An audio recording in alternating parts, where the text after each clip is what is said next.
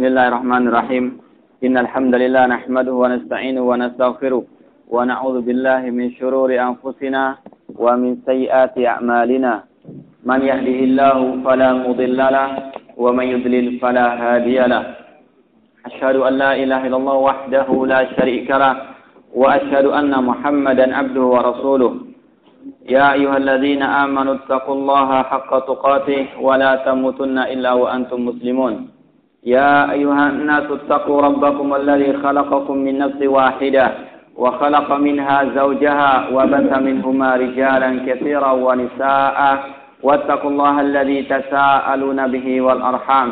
إن الله كان عليكم رقيبا. يا أيها الذين آمنوا اتقوا الله وقولوا قولا سديدا. يصلح لكم أعمالكم ويغفر لكم ذنوبكم. ومن يطع الله ورسوله فقد فاز فوزا عظيما.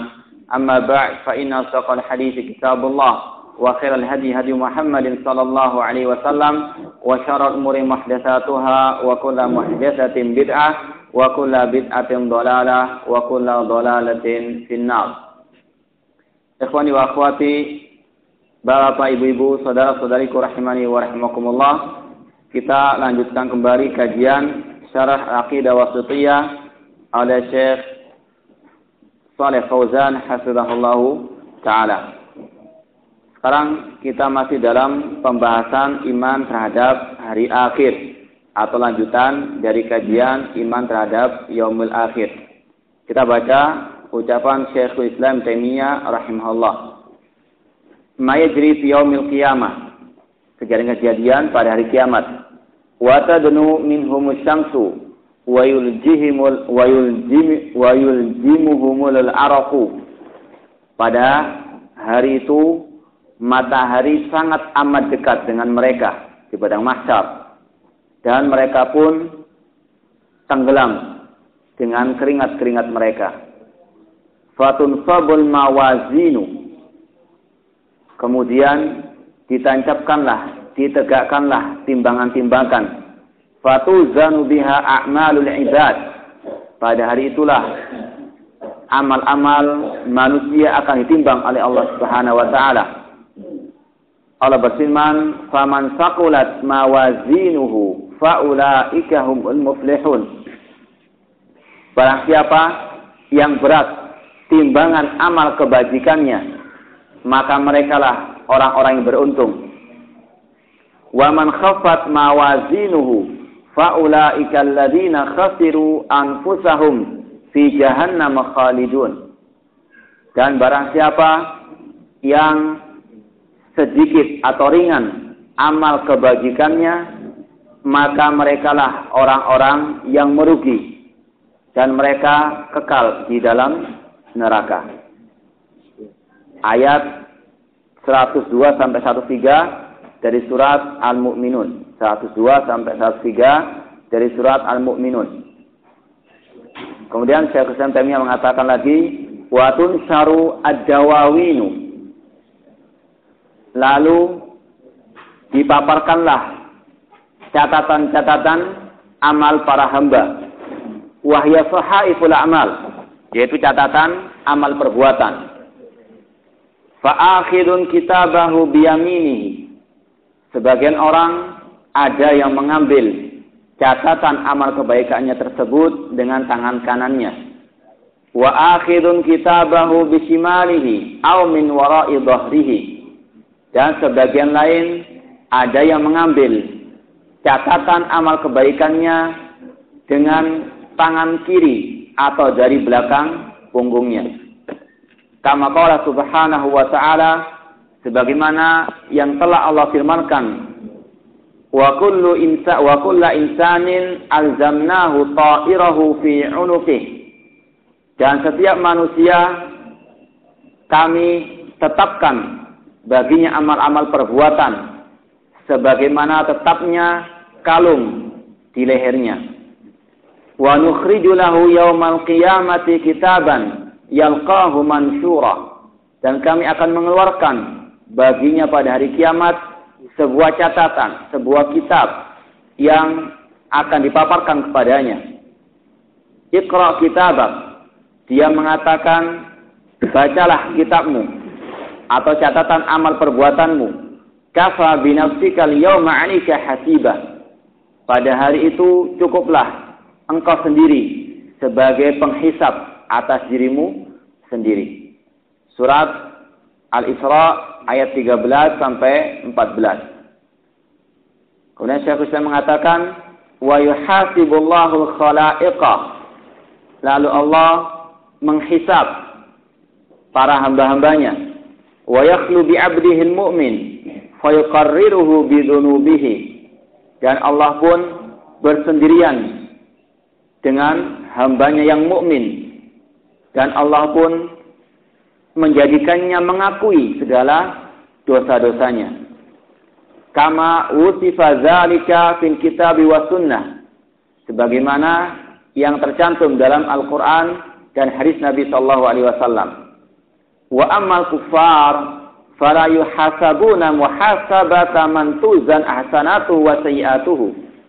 Adapun orang-orang kafir maka tidak dihisab sebagaimana penghisapannya orang-orang yang ditimbang amal kebajikannya dan amal kejelekannya.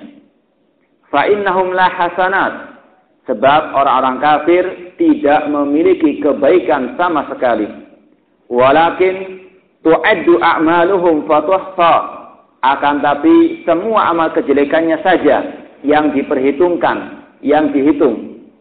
Fayuqafuna 'alaiha lalu mereka pun diperlihatkan amal kejelekan-kejelekannya tersebut wa biha dan mereka pun mengakui atau dijadikan mengakui akan semua kejelekan kejelekan yang mereka kerjakan selama di dunia ini.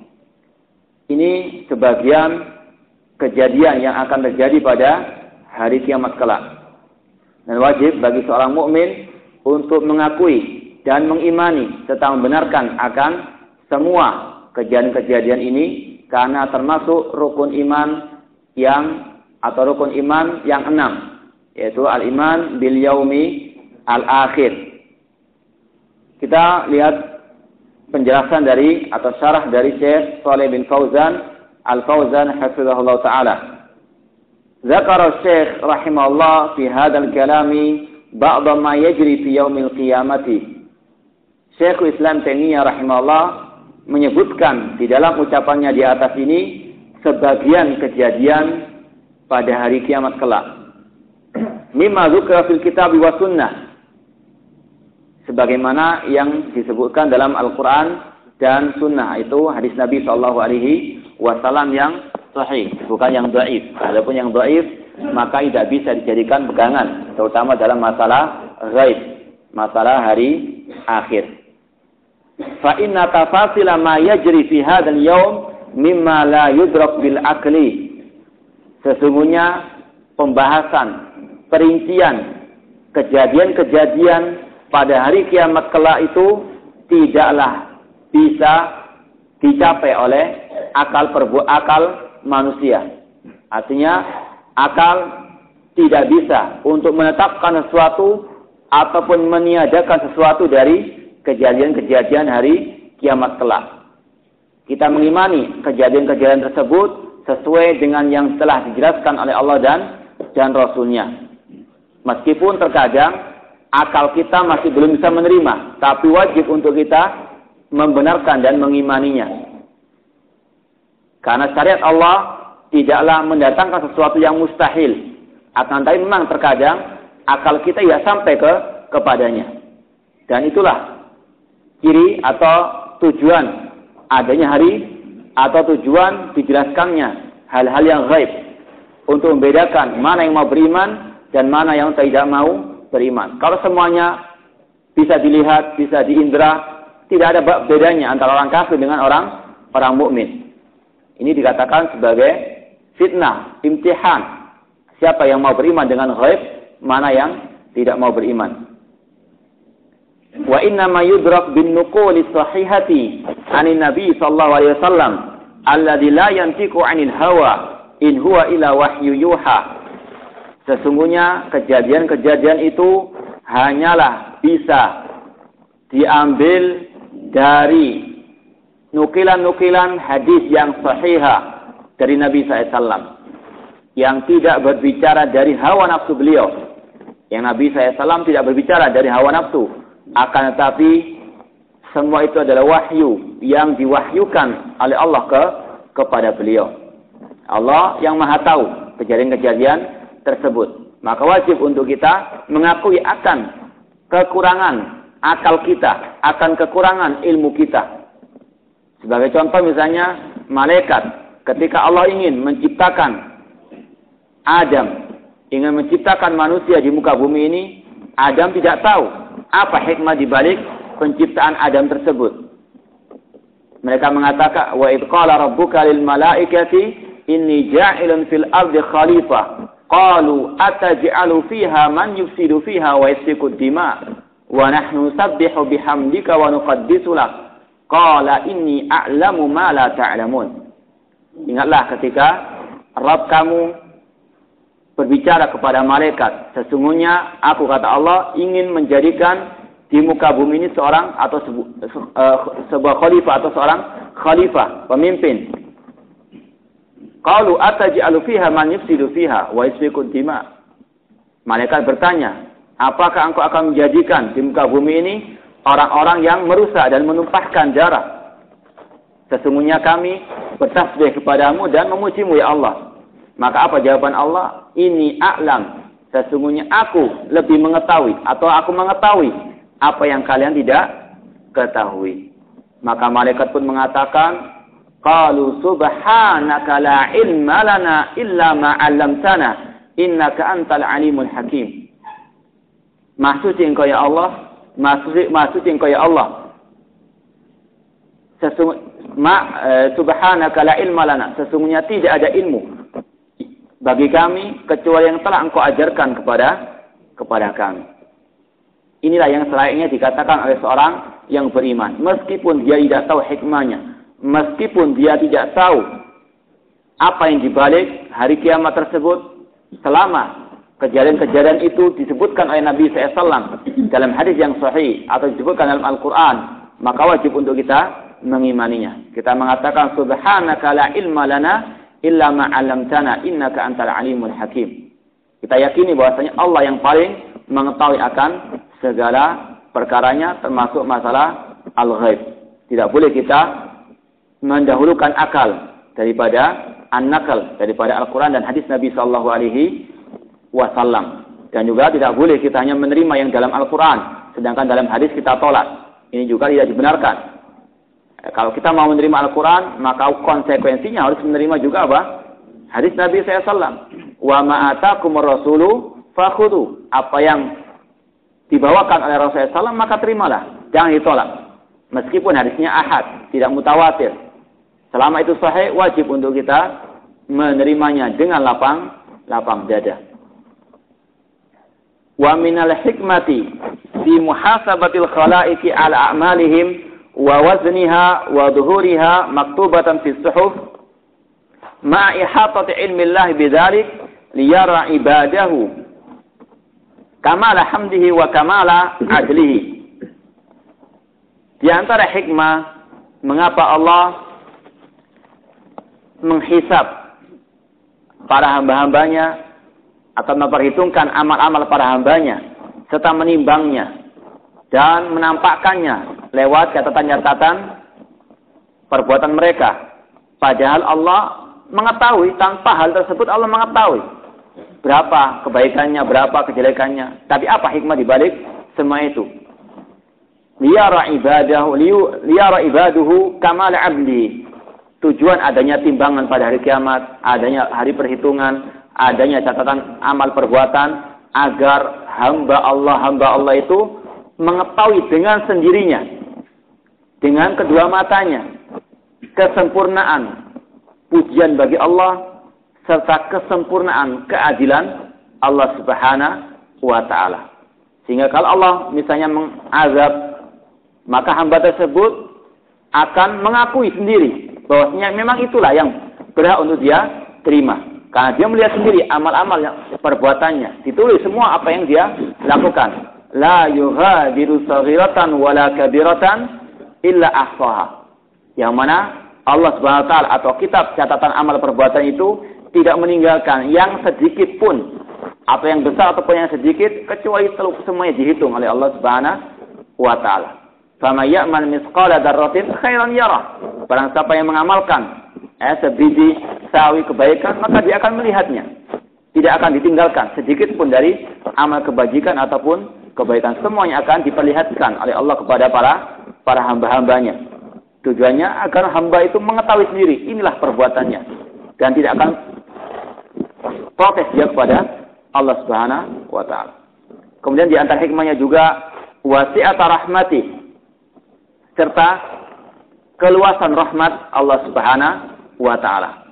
Seperti ini dikatakan oleh Syekh Taimiyah bahwasanya seorang mukmin ketika dia dihisab oleh Allah taala dia pun dijadikan oleh Allah mengakui semua dosa-dosanya. Lalu Allah pun mengampuni dosa-dosa tersebut serta memasukkannya ke dalam surganya. Padahal dia banyak berbuat dosa. Tapi karena keluasan rahmat Allah, maka dia pun diampuni serta dimasukkan ke dalam surga. Tujuannya untuk mengetahui keluasan kebesaran rahmat Allah Subhanahu wa taala wa mulkihi serta kebesaran kekuasaan Allah Subhanahu wa taala. Ya, bagaimana? Allah bisa menghitung semua atau para malaikatnya bisa menghitung semuanya. Mulai dia lahir, mulai dia mukallaf balik sampai dia meninggal dunia. Semua amal perbuatannya dicatat. Ini tidak mungkin dilakukan oleh seorang manusia. Setiap detik ada catatannya itu harus kita yakini. Semuanya pasti ditulis oleh Allah subhanahu wa ta'ala. Ini tidak akan mungkin dilakukan oleh makhluk yang bisa hanyalah al-khaliq Allah subhanahu wa ta'ala Wa dzakara Syekhu mimma yajri fi hadzal yaumil azim 'ala al-ibad. Kemudian Syekh Taimiyah menyebutkan beberapa kejadian dalam ucapan beliau di atas. Di sini ada empat kejadian. Yang pertama, antadnuwa minhum syamsu yaitu mendekatnya matahari dari manusia atau matahari itu sangat dekat dengan manusia. Ai takrubu min ru'usihim matahari itu amat dekat dengan kepala-kepala manusia. Eh, kalau di dunia ini sangat amat jauh. Meskipun sangat jauh, tetapi kalau sudah waktu zawal, sudah waktu dohor, itu terasa panasnya, panasnya terik matahari. Ini masih amat jauh. Tapi kalau hari kiamat didekatkan oleh Allah Subhanahu wa taala. Kama rawa Muslimun anil Miqdad sebagaimana dalam hadis yang diwetkan oleh Imam Muslim dari sahabat Al-Miqdad radhiyallahu anhu qal sami'tu Rasulullah sallallahu alaihi yaqul. Aku mendengar Rasulullah SAW bersabda idza kana yaumal qiyamati uduniyatis syamsu. Uduniyatis syamsu minal ibad. Pada hari kiamat kelak matahari akan didekatkan kepada manusia kepada para hamba hatta takuna qadra milin aw milain dan jaraknya pun sekitar satu mil antara kepala manusia dengan matahari atau dua dua mil. Eh, bisa dibayangkan bagaimana panasnya terik matahari di saat itu. Maka dari itulah tidak ada seorang hamba ya dikatakan waktu kita kaji kemarin manusia pada hari itu dibangkitkan dalam keadaan telanjang. Apakah Kata Aisyah, apakah manusia tidak saling melihat pada hari itu? Dikatakan oleh Rasulullah, perkaranya tidak semudah yang dibayangkan. Ya, semuanya akan mengatakan nafsi-nafsi. Ya, sendiri-sendiri. Yauma yafirul mar'u min akhi wa ummihi wa abi wa sahibatihi wa bani. Likulli imri'in yawma in sya'nu yughni. Eh, pada hari kiamat kelak, pada waktu matahari sudah dekat dengan kepala-kepala mereka, semua lari dari Likul minhum yawmin sya'an yughni. Pada hari itu manusia sibuk dengan amal perbuatannya sendiri. Yauma yafil mar'u min akhi.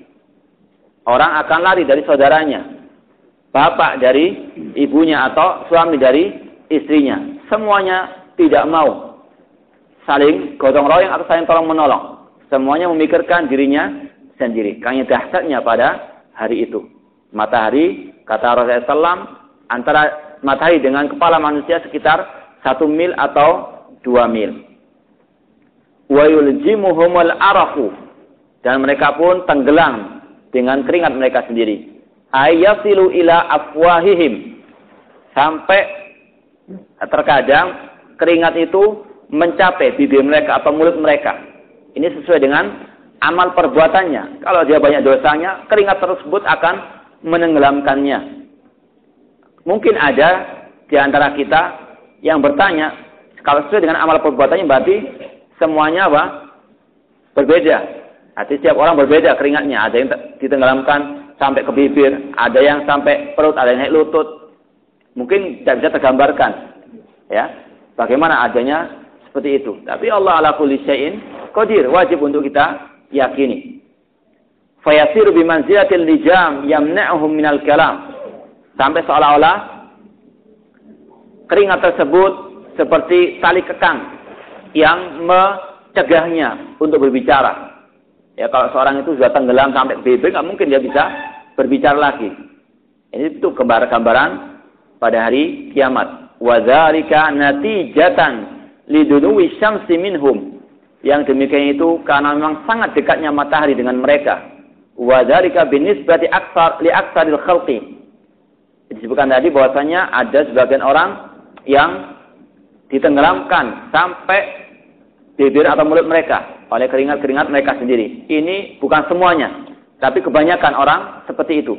Karena memang kebanyakan orang banyak berbuat dosa dan maksiat. Banyak orang yang kufur wa qalilun min ibadiyas syakur dan sedikit sekali hamba-hamba Allah yang bersyukur. Ya, banyakkan pada hari itu akan banyak tenggelam dengan keringat mereka sendiri. Wa istasna min dzalikal anbiya wa man Allah. Dan dikecualikan dari orang-orang tersebut para nabi dan orang-orang yang dikehendaki oleh Allah Subhanahu wa taala. Artinya mereka tidak tenggelam dengan keringat mereka karena mereka adalah hamba-hamba Allah yang banyak kebajikannya, terutama para al-anbiya. Ini kejadian yang pertama setelah manusia itu dibangkitkan. Kemudian yang kedua, kejadian pada hari itu juga wa mimma dzukira fi hadzal yaum qaluhu wa tunqabul mawazin. Lalu timbangan-timbangan itu pun ditegakkan. Wa tuzanu biha al-amal dan amal perbuatan pun ditimbang.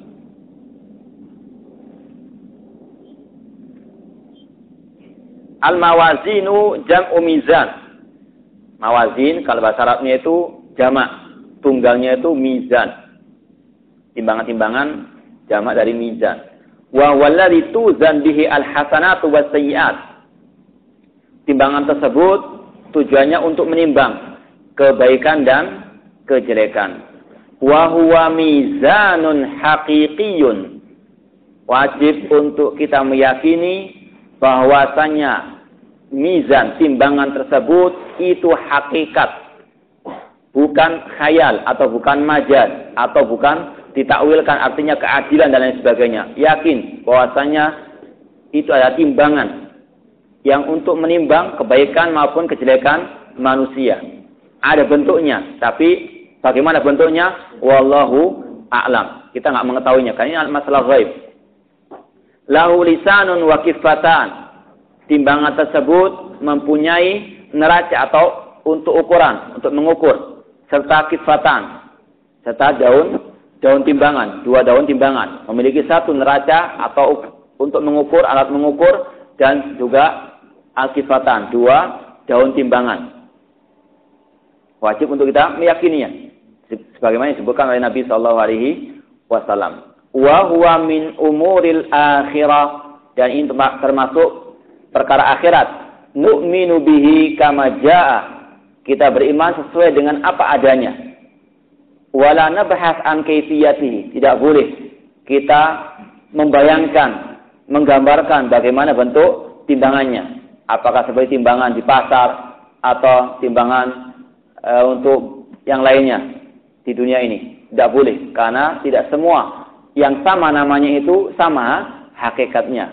Sebagaimana yang kita pelajari dalam asma Allah wa, wa. Sebagaimana di surga ada yang namanya buah-buahan, ada buah delima, ada buah anggur. Tapi sebagaimana dikatakan oleh Nabi SAW, a'jadtu li'ibadi ma la ainun ra'at wa la udhunun sami'at wa la khatar ala qalbil bashar. Kata Allah SWT dalam hadis dalam hadis kursi, aku menyediakan bagi para hamba-hambaku apa yang tidak pernah mereka lihat dan tidak pernah mereka dengar serta tidak pernah terbetik dalam benak mereka. Artinya meskipun namanya sama, tapi belum pernah dilihat bagaimana apa bentuknya, bagaimana rasanya. Tapi kita yakini itu ada. Demikian juga dengan namanya timbangan pada hari kiamat. Wajib untuk kita me meyakininya. Sebagaimana akan kita bahas juga tentang al-haud, telaga pada hari kiamat. Nanti ada telaga di hari kiamat, yaitu telaganya Nabi Sallallahu Alaihi Wasallam dan juga para nabi yang lain. Dikatakan di situ bahwasanya airnya lebih putih daripada susu dan lebih manis daripada madu. Ada di dunia seperti itu. Hah? Habis sudah. Ya, tidak tersisa nanti kalau seperti itu di dunia. Tapi inilah hakikat yang ada di di akhirat. Tidak sama sama sekali dengan dengan yang di dunia. Nu'min bihi kama ja'a wa la nabhas an kayfiyatihi illa ala dhaima warada minan nusus. Wajib kita mengimani sesuai apa yang datang dari hadis Rasulullah SAW. Wal hikmatu fi waznil a'mal izharu maqadiriha liyakunal jaza'u bihasabiha. Di antara hikmah di balik adanya timbangan amal kebaikan pada hari kiamat adalah untuk menampakkan perhitungan pada hari itu. Untuk apa? Dibalas sesuai dengan perbuatannya. Ya, diperlihatkan timbangan amal kebaikannya agar manusia dibalas sesuai dengan amal perbuatan tersebut. Karena memang Allah maha adil, tidak berbuat sedikit pun kezaliman. Wa ma'ana bidhallamin lil abid. Sesungguhnya aku kata Allah tidaklah berbuat zalim sedikit pun. Dalam hadis kursi ini haram tu dzulma ala nafsi. Sesungguhnya aku mengharamkan kezaliman bagi diriku sendiri. Maka tidak mungkin pembalasan kejelekan melebihi daripada kejelekan tersebut. Adapun kebaikan itu mungkin akan dilipat gandakan oleh Allah Subhanahu wa taala. Makanya dalam kaidah bahwasanya kalau Allah itu memberi kebaikan atau membalas kebaikan itu bifadlihi dengan keutamaan Allah. Adapun kalau Allah membalas kejelekan manusia itu biadlihi dengan keadilannya. Artinya kalau kesalahannya 10 balasannya juga 10. Tapi kalau kebaikan itu balasannya mungkin lebih dari itu. Satu dibalas dengan dibalas dengan apa? Sepuluh. Kadang-kadang bisa lebih dari dari itu. Intinya Allah tidak pernah berbuat zalim sama sekali.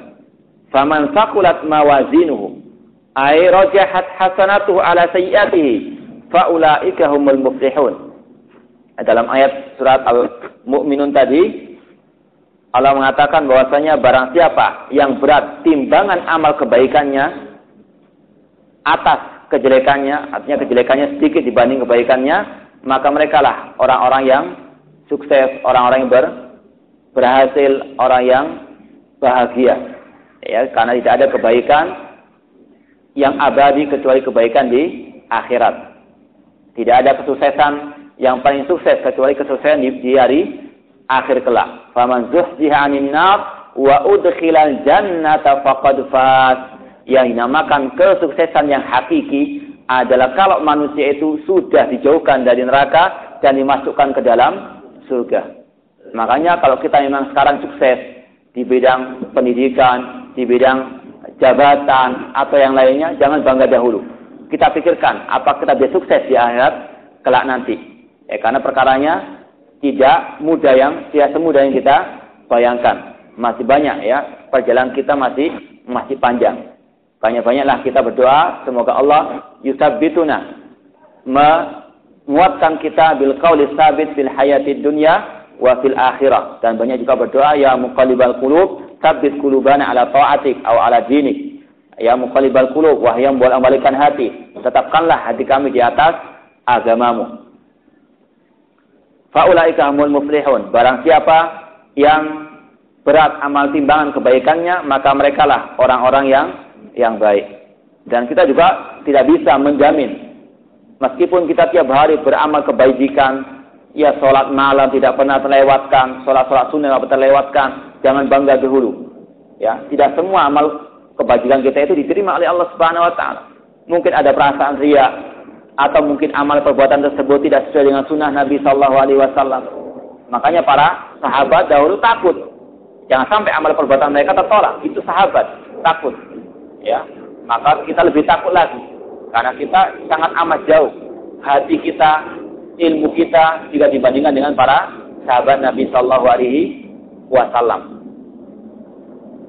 Faulai kaumul muflihun, ay al faizun, wan najuna minan nari al mustahiquna lil jannah.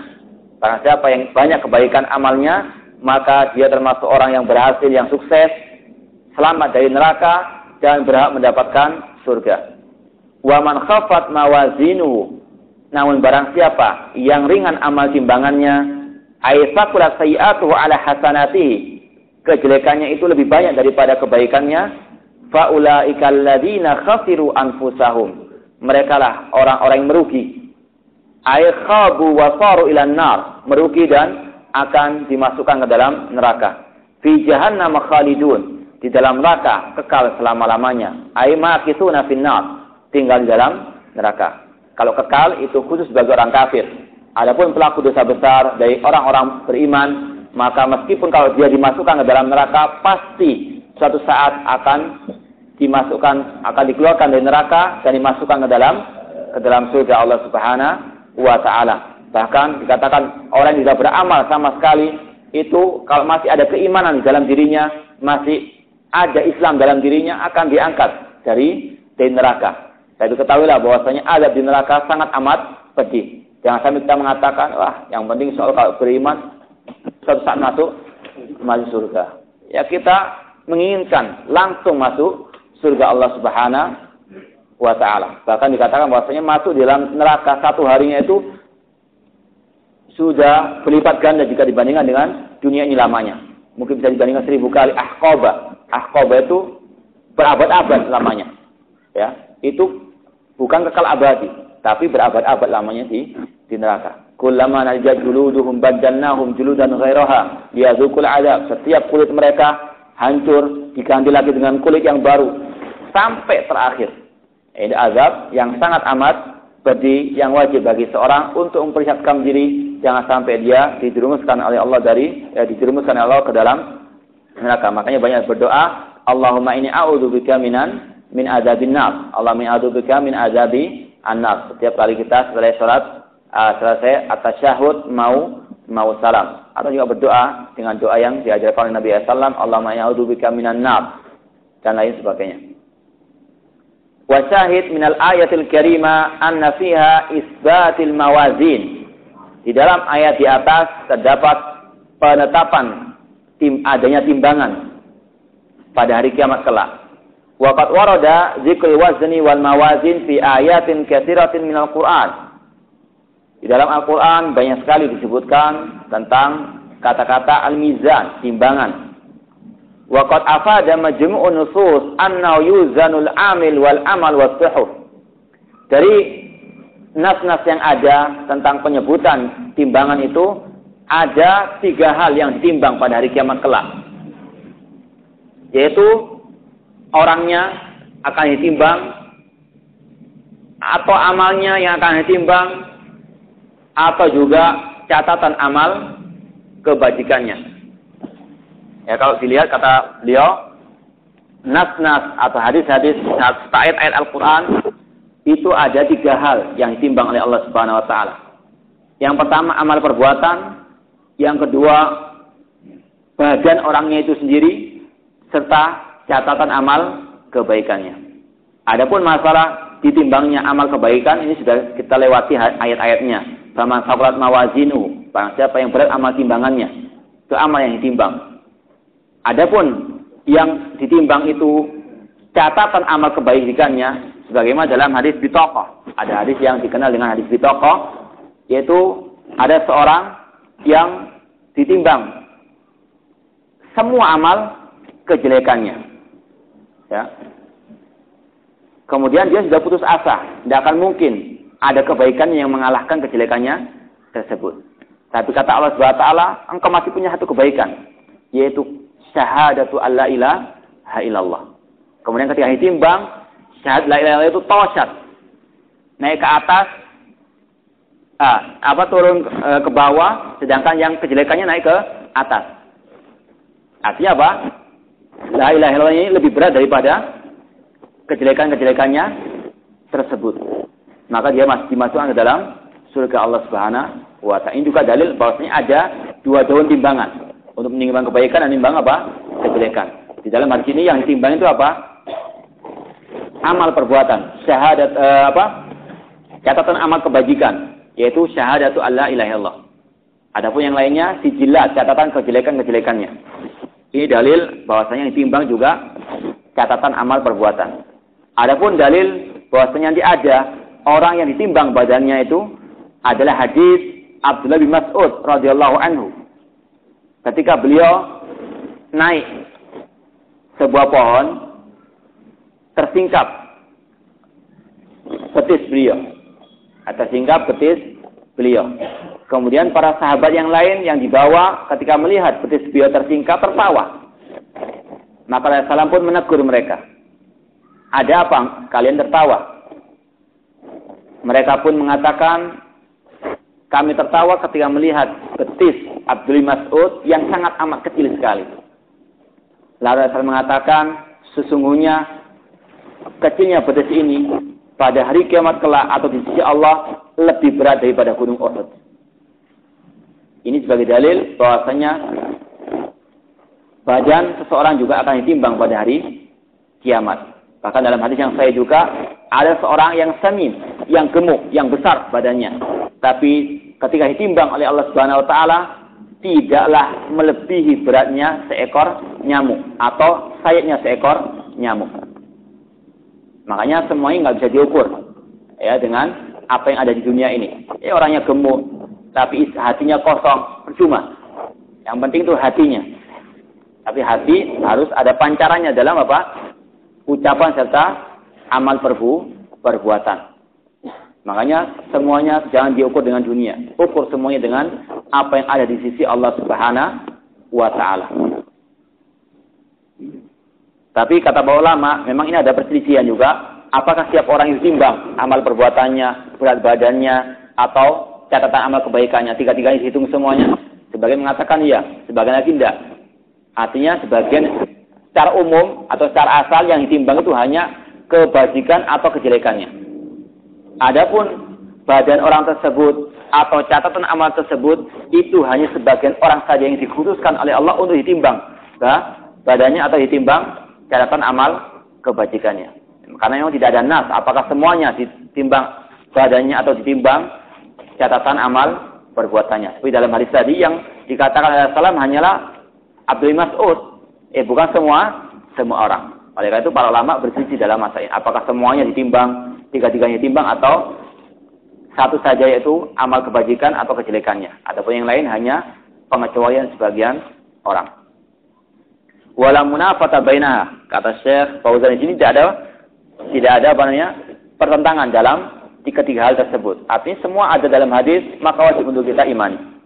Fal yuzan. Semuanya akan ditimbang walakin al-i'tibar fi thiqal wal khifa yakunu bil amali nafsihi. La bi dzatil amil wala bis sahifati. Akan tapi kata beliau ukurannya atau ukuran berat atau ringannya timbangan tersebut sesuai dengan amal perbuatan manusia itu. Bukan pada berat badan seorang atau bukan pada catatan catatannya. Ya intinya semuanya itu kembali kepada amal perbuatan manusia. Faman saqulat mawazinuhu faulaika humul muflihun. La bidatil amin wala bi as-sahifa wallahu a'lam. Wa qad ta'awwala al-mu'tazilatu an-nususa fi dzalik. Ada sekelompok atau aliran Mu'tazilah rasionalisme yang suka mengandalkan akal. Mereka mentakwilkan, menyimpangkan makna mizan, timbangan ini kepada makna yang yang lain, yaitu al-adil, keadilan. Artinya mereka tidak meyakini akan adanya timbangan dengan dua daunnya, dengan neracanya. Tapi mereka mengatakan, nah itu cuma sekedar simbol saja. Sebagaimana kita mendengar sebagai orang mengatakan, bahwasanya Dajjal itu hanya simbol banyaknya kemungkaran. Dajjal itu tidak ada, bentuknya manusia tidak ada. Itu hanya simbol. Ini jelas takwil, jelas mengikuti jejaknya orang-orang Yahudi yang dikatakan oleh Allah Taala yuharrifuna al-kalim an mawadhi'i. Mereka orang yang Yahud suka apa?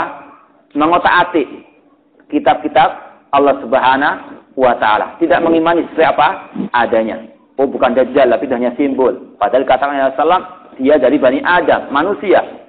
Mempunyai dua mata yang yang cacat dan lain sebagainya. Cirinya manusia, bukan hanya sekedar simbol. Demikian juga dengan mizan, timbangan. Ada hakikatnya, bukan hanya sekedar simbol ke keadilan.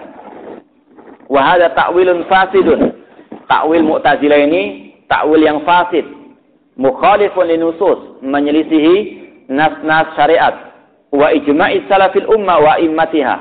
Juga menyelisihi ijma' para salaf serta para imam-imam ahli sunnati wal jamaah.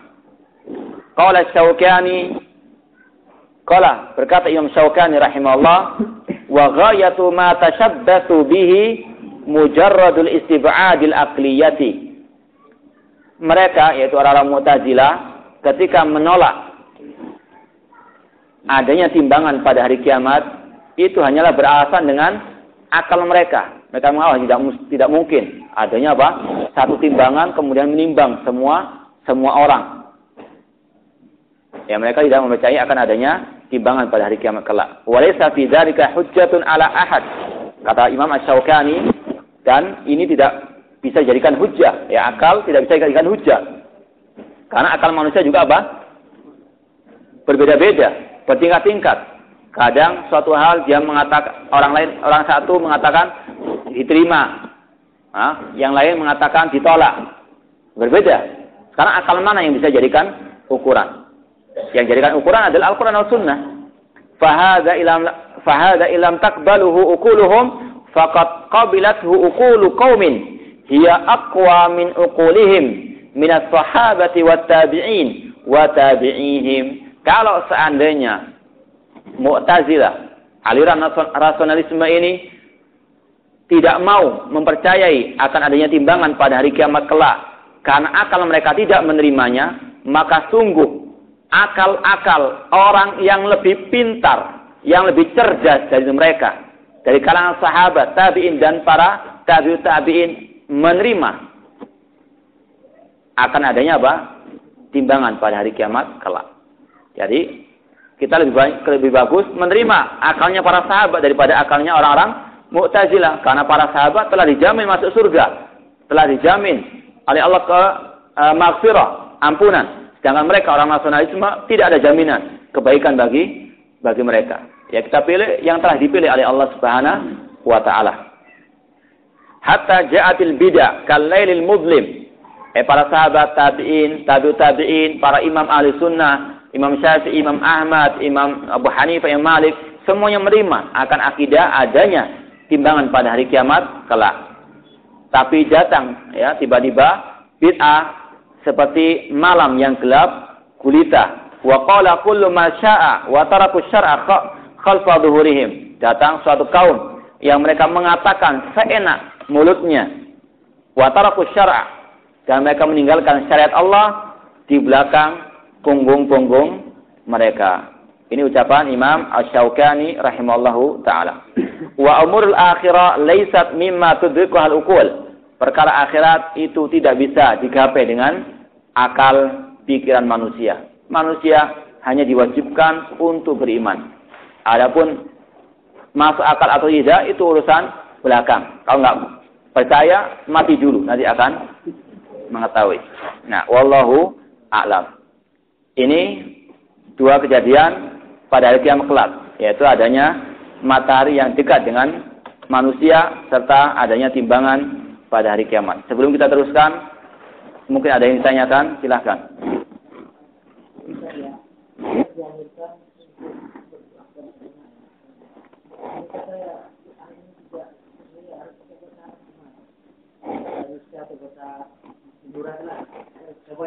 Ya, berdoa kata Allah Subhanahu wa taala Ud'u rabbakum tadur'an wa khufya. Berdoalah kepada Rabbmu dalam keadaan tadarruk, merendahkan diri serta melirihkan suaranya. Kemudian dalam ayat yang lain, wa idza sa'alaka ibadi anni fa inni qarib ujibu da'watad da'i da'an.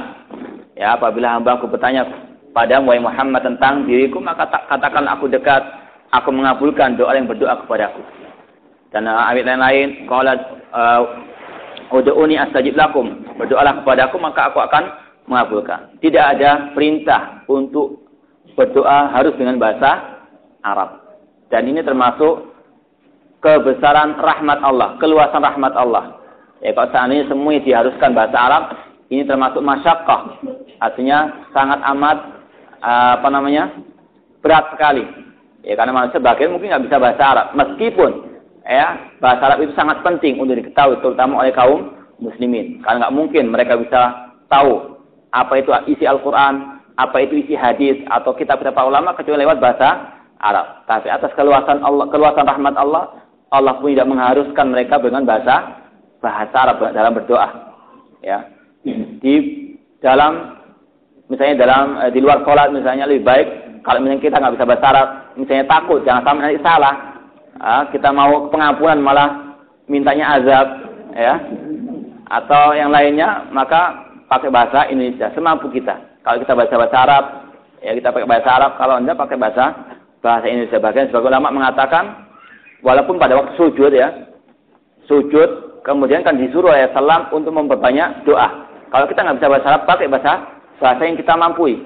Insya Allah di, dibolehkan. Sebagaimana dikatakan oleh Syekh Ali bin Hasan al Halabi, Hafizullah murid Syekh Al Albani. Pada waktu ditanya di Masjid Akbar kemarin atau waktu lalu. Jadi boleh kita berdoa dengan bahasa Indonesia atau bahasa Jawa atau bahasa Madura atau bahasa yang lainnya. Nah, sebentar ini. Ya.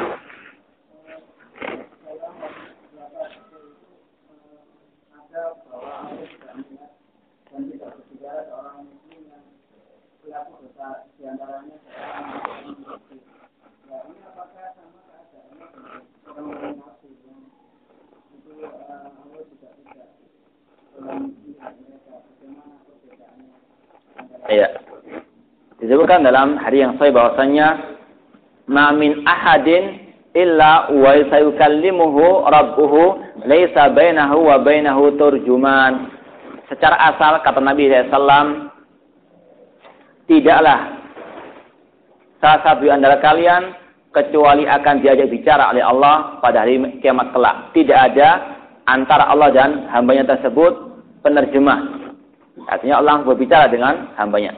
Kecuali yang ada hadis atau nas yang menjelaskan akan pengecualian orang-orang yang tidak diajak bicara oleh Allah Ta'ala. Di antaranya orang-orang yang menurunkan kain celana atau sarungnya atau jubahnya sampai menutupi mata mata kaki.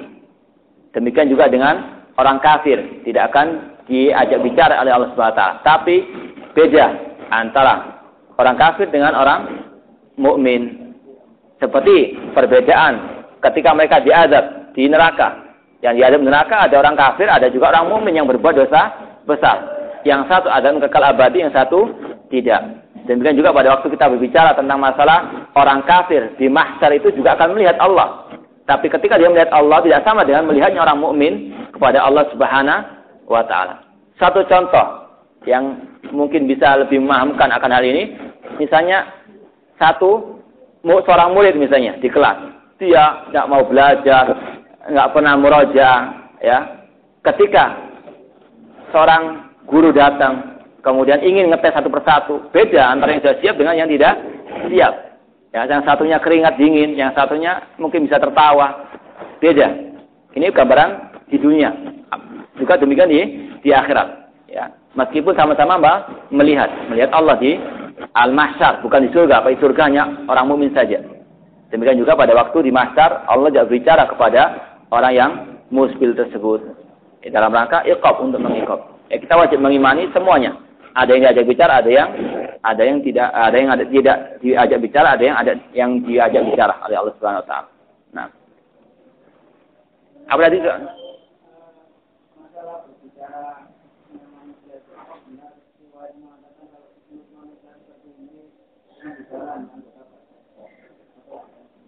Iya, sebagian memang begitu dalam Yasin. Ya mungkin yang sering baca Yasin hari Jumat. Ya meskipun tidak ada dalilnya. Al-yawma nakhtimu ala afwahihim wa tukallimuna aydihim wa tashhadu arjuluhum bima kanu yaksibun. Eh pada hari itu nakhtimu kami kunci atau kami tutup eh, nakhtimu ala afwahihim mulut-mulut mereka.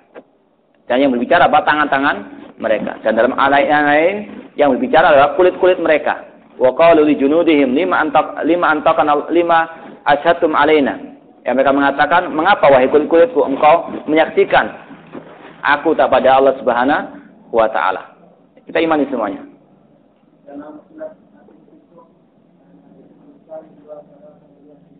Iya. Hari.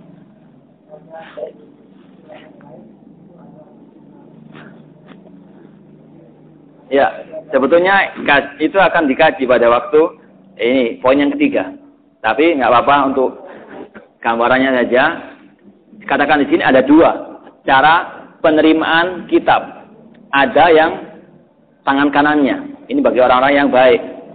Ada pun yang jelek itu dengan tangan kirinya lewat belakangnya. Dan dikatakan itu seperti ini, kurang lebih dari belakang, tapi dengan apa tangan tangan kiri karena sebelah tangan kanannya itu dibelenggu sampai ke lehernya. Insya Allah disebutkan oleh Syekh Salih Fauzan di sini. Itu cara menggabungkan. Ya cuma ada dua dari kanan dan kiri. Ada dari kiri itu lewat belakang. Iya, kurang lebihnya seperti itu. Wallahu a'lam. Kita lanjutkan sebentar. Ada dua pertanyaan lewat kertas. Bagaimana hukumnya mengkodok puasa Ramadan tahun lalu pada pertengahan ke atas pada pada bulan Sya'ban. Padahal puasa di pertengahan Sya'ban ke atas tidak boleh kecuali yang sudah terbiasa puasa. Ini bagi puasa yang sunnah. Artinya nggak boleh kita puasa Sya'ban kalau sudah mendekati Ramadan atau satu hari atau dua hari sebelum Ramadan. Tapi kalau masih pertengahan akhir itu dibolehkan oleh Rasulullah. Bahkan Rasulullah mengatakan tidak pernah puasa yang satu bulan penuh atau satu bulan eh, kurang lebih, lebih satu bulan itu kecuali bulan Syaban. Eh, selama masih pertengahan akhir dibolehkan. Yang nggak dibolehkan itu kalau sudah mau mendekati satu atau dua hari dari bulan Ramadan. Jadi kalau mau mengkodok, misalnya bagi wanita yang dulunya punya hutang puasa, bolehkan ya sekarang atau sampai pertengahan Syaban nanti. Ya, mumpung masih ada waktu, silahkan di kodok puasanya sebelum terlambat.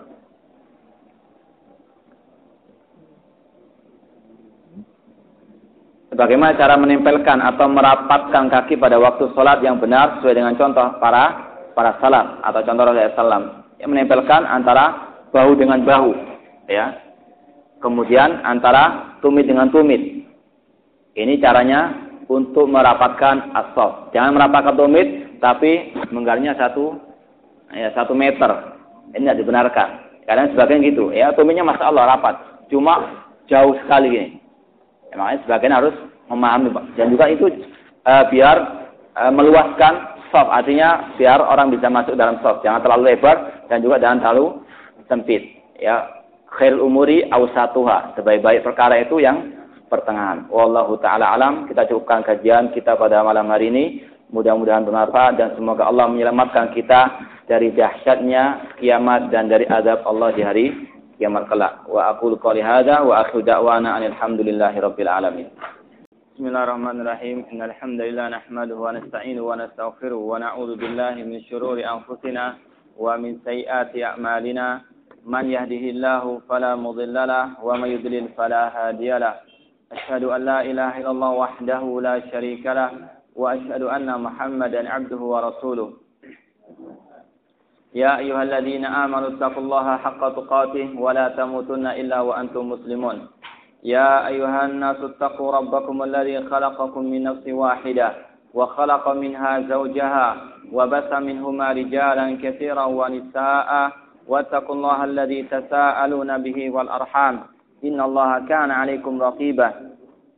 يا أيها الذين آمنوا اتقوا الله وقولوا قولا سديدا. يصلح لكم أعمالكم ويغفر لكم ذنوبكم ومن يطع الله ورسوله فقد فاز فوزا عظيما أما بعد فإن أصدق الحديث كتاب الله وخير الهدي هدي محمد صلى الله عليه وسلم وشر الأمور محدثاتها وكل محدثة بدعة وكل بدعة ضلالة وكل ضلالة في النار Ikhwani fillah wa akhwati rahimani wa rahimakumullah. Kita lanjutkan kembali kajian syarah Aqidah Al-Wasithiyah oleh Syekh Saleh bin Fauzan Al-Fauzan hafizahullahu taala. Pada pertemuan yang lalu kita sempat membahas dua di antara dua kejadian hari kiamat. Di antaranya tentang dekatnya matahari dengan manusia. Kemudian yang kedua tentang adanya al-mizan, adanya timbangan pada hari kiamat kelak. Ada yang ditimbang amal perbuatannya, kemudian catatan amal serta badan orang orang tersebut. Sekarang kita akan masuk pada poin yang ketiga yaitu tentang dipaparkannya atau diberikannya catatan amal perbuatan manusia kepada setiap pelakunya pada hari, pada hari kiamat kelak. Syekh Saleh Fauzan Hafizullah mengatakan wa mimma dzakarahu asy-syekhu min hawadisi hadzal yaumil azim qawluhu wa tunsharud dawawinu wa hiya sahaiful a'mal. Di antara yang disebutkan oleh Syekhul Islam Ibn Taimiyah rahimahullah tentang kejadian-kejadian pada hari yang sangat dahsyat itu adalah dipaparkannya ad-dawawin. Dawawin artinya sahaiful a'mal. Catatan-catatan amal perbuatan manusia. Ai as-sahaiful lati kutibat fiha a'malul ibad. Catatan-catatan amal yang ditulis di dalamnya perbuatan-perbuatan para hamba allati amiluha fid dunya yang mereka mengamalkannya, mengerjakannya di dunia ini. Wa katabatha alaihim al-hafadhatu yang ditulis oleh malaikat yang dinamakan Al-Hafadhah. Sebagaimana yang dicantumkan oleh Allah Ta'ala dalam surat Al-Infitar. Yang kita baca tadi dalam surat uh, dalam salat maghrib tadi. Wa inna alaikum lahafidhin kiraman katibin. Ya'lamuna ma taf'alun. Sesungguhnya inna alaikum lahafidhin. Sesungguhnya ada pada diri kalian itu atau ada malaikat-malaikat yang mengawasi kalian, yang menjaga kalian kiraman katibin, malaikat-malaikat yang mulia, katibin yang menulis amal perbuatan kalian. Dan disebutkan dalam surah Al-Kahfi, la yughadiru saghiratan wala kabiratan illa ahsaha. Allah dengan malaikat-malaikatnya itu tidak meninggalkan yang kecil maupun yang besar kecuali semuanya di dicatat, diperhitungkan oleh Allah Subhanahu wa taala. Ada malaikat yang tugasnya mencatat semua amal perbuatan manusia. Li'annaha tutwa indal mauti. Catatan amal perbuatan manusia ini ditutup oleh Allah Subhanahu wa taala ketika manusia itu telah meninggal dunia. Setelah manusia meninggal dunia, catatan amal perbuatan mereka ditutup. Karena tidak ada, tidak ada lagi amal yang perlu dicatat. Semuanya telah terputus. Watun syar ay tuftahu indal hisab. Pada hari kiamat kelak akan dibuka kembali catatan amal perbuatan tersebut. Liyaqifa kullu insanin ala sahifatihi faya'lama ma fiha. Dibukakan, dipaparkan agar setiap orang mengetahui dengan sendirinya perbuatan-perbuatan yang ditulis dalam catatan amal perbuatan tersebut fa'akhidun kitabahu biyaminihi. Sebagian orang ada yang mengambil catatan amal perbuatan tersebut dengan tangan kanannya. Wa akhidun kitabahu bisimali. Sebagian lagi ada yang mengambilnya dengan tangan kirinya atau min wara'i dhahri atau lewat belakang punggungnya. Hadza fihi bayanu kaifiyati akhdhin nas li suhufihim. Di dalam ucapan Syekh Islam Taimiyah ini terdapat penjelasan tentang bagaimana manusia itu mengambil catatan amal perbuatan mereka pada hari kiamat. Kama ja'adzalika fil Qur'an. Dan semua itu tercantum dalam Al-Quran. Dijelaskan dalam Al-Quranul Kirim. Karena Syekh Hussein Taimiyah ketika menjelaskan tentang hal-hal ini tidak berdasarkan kepada akal.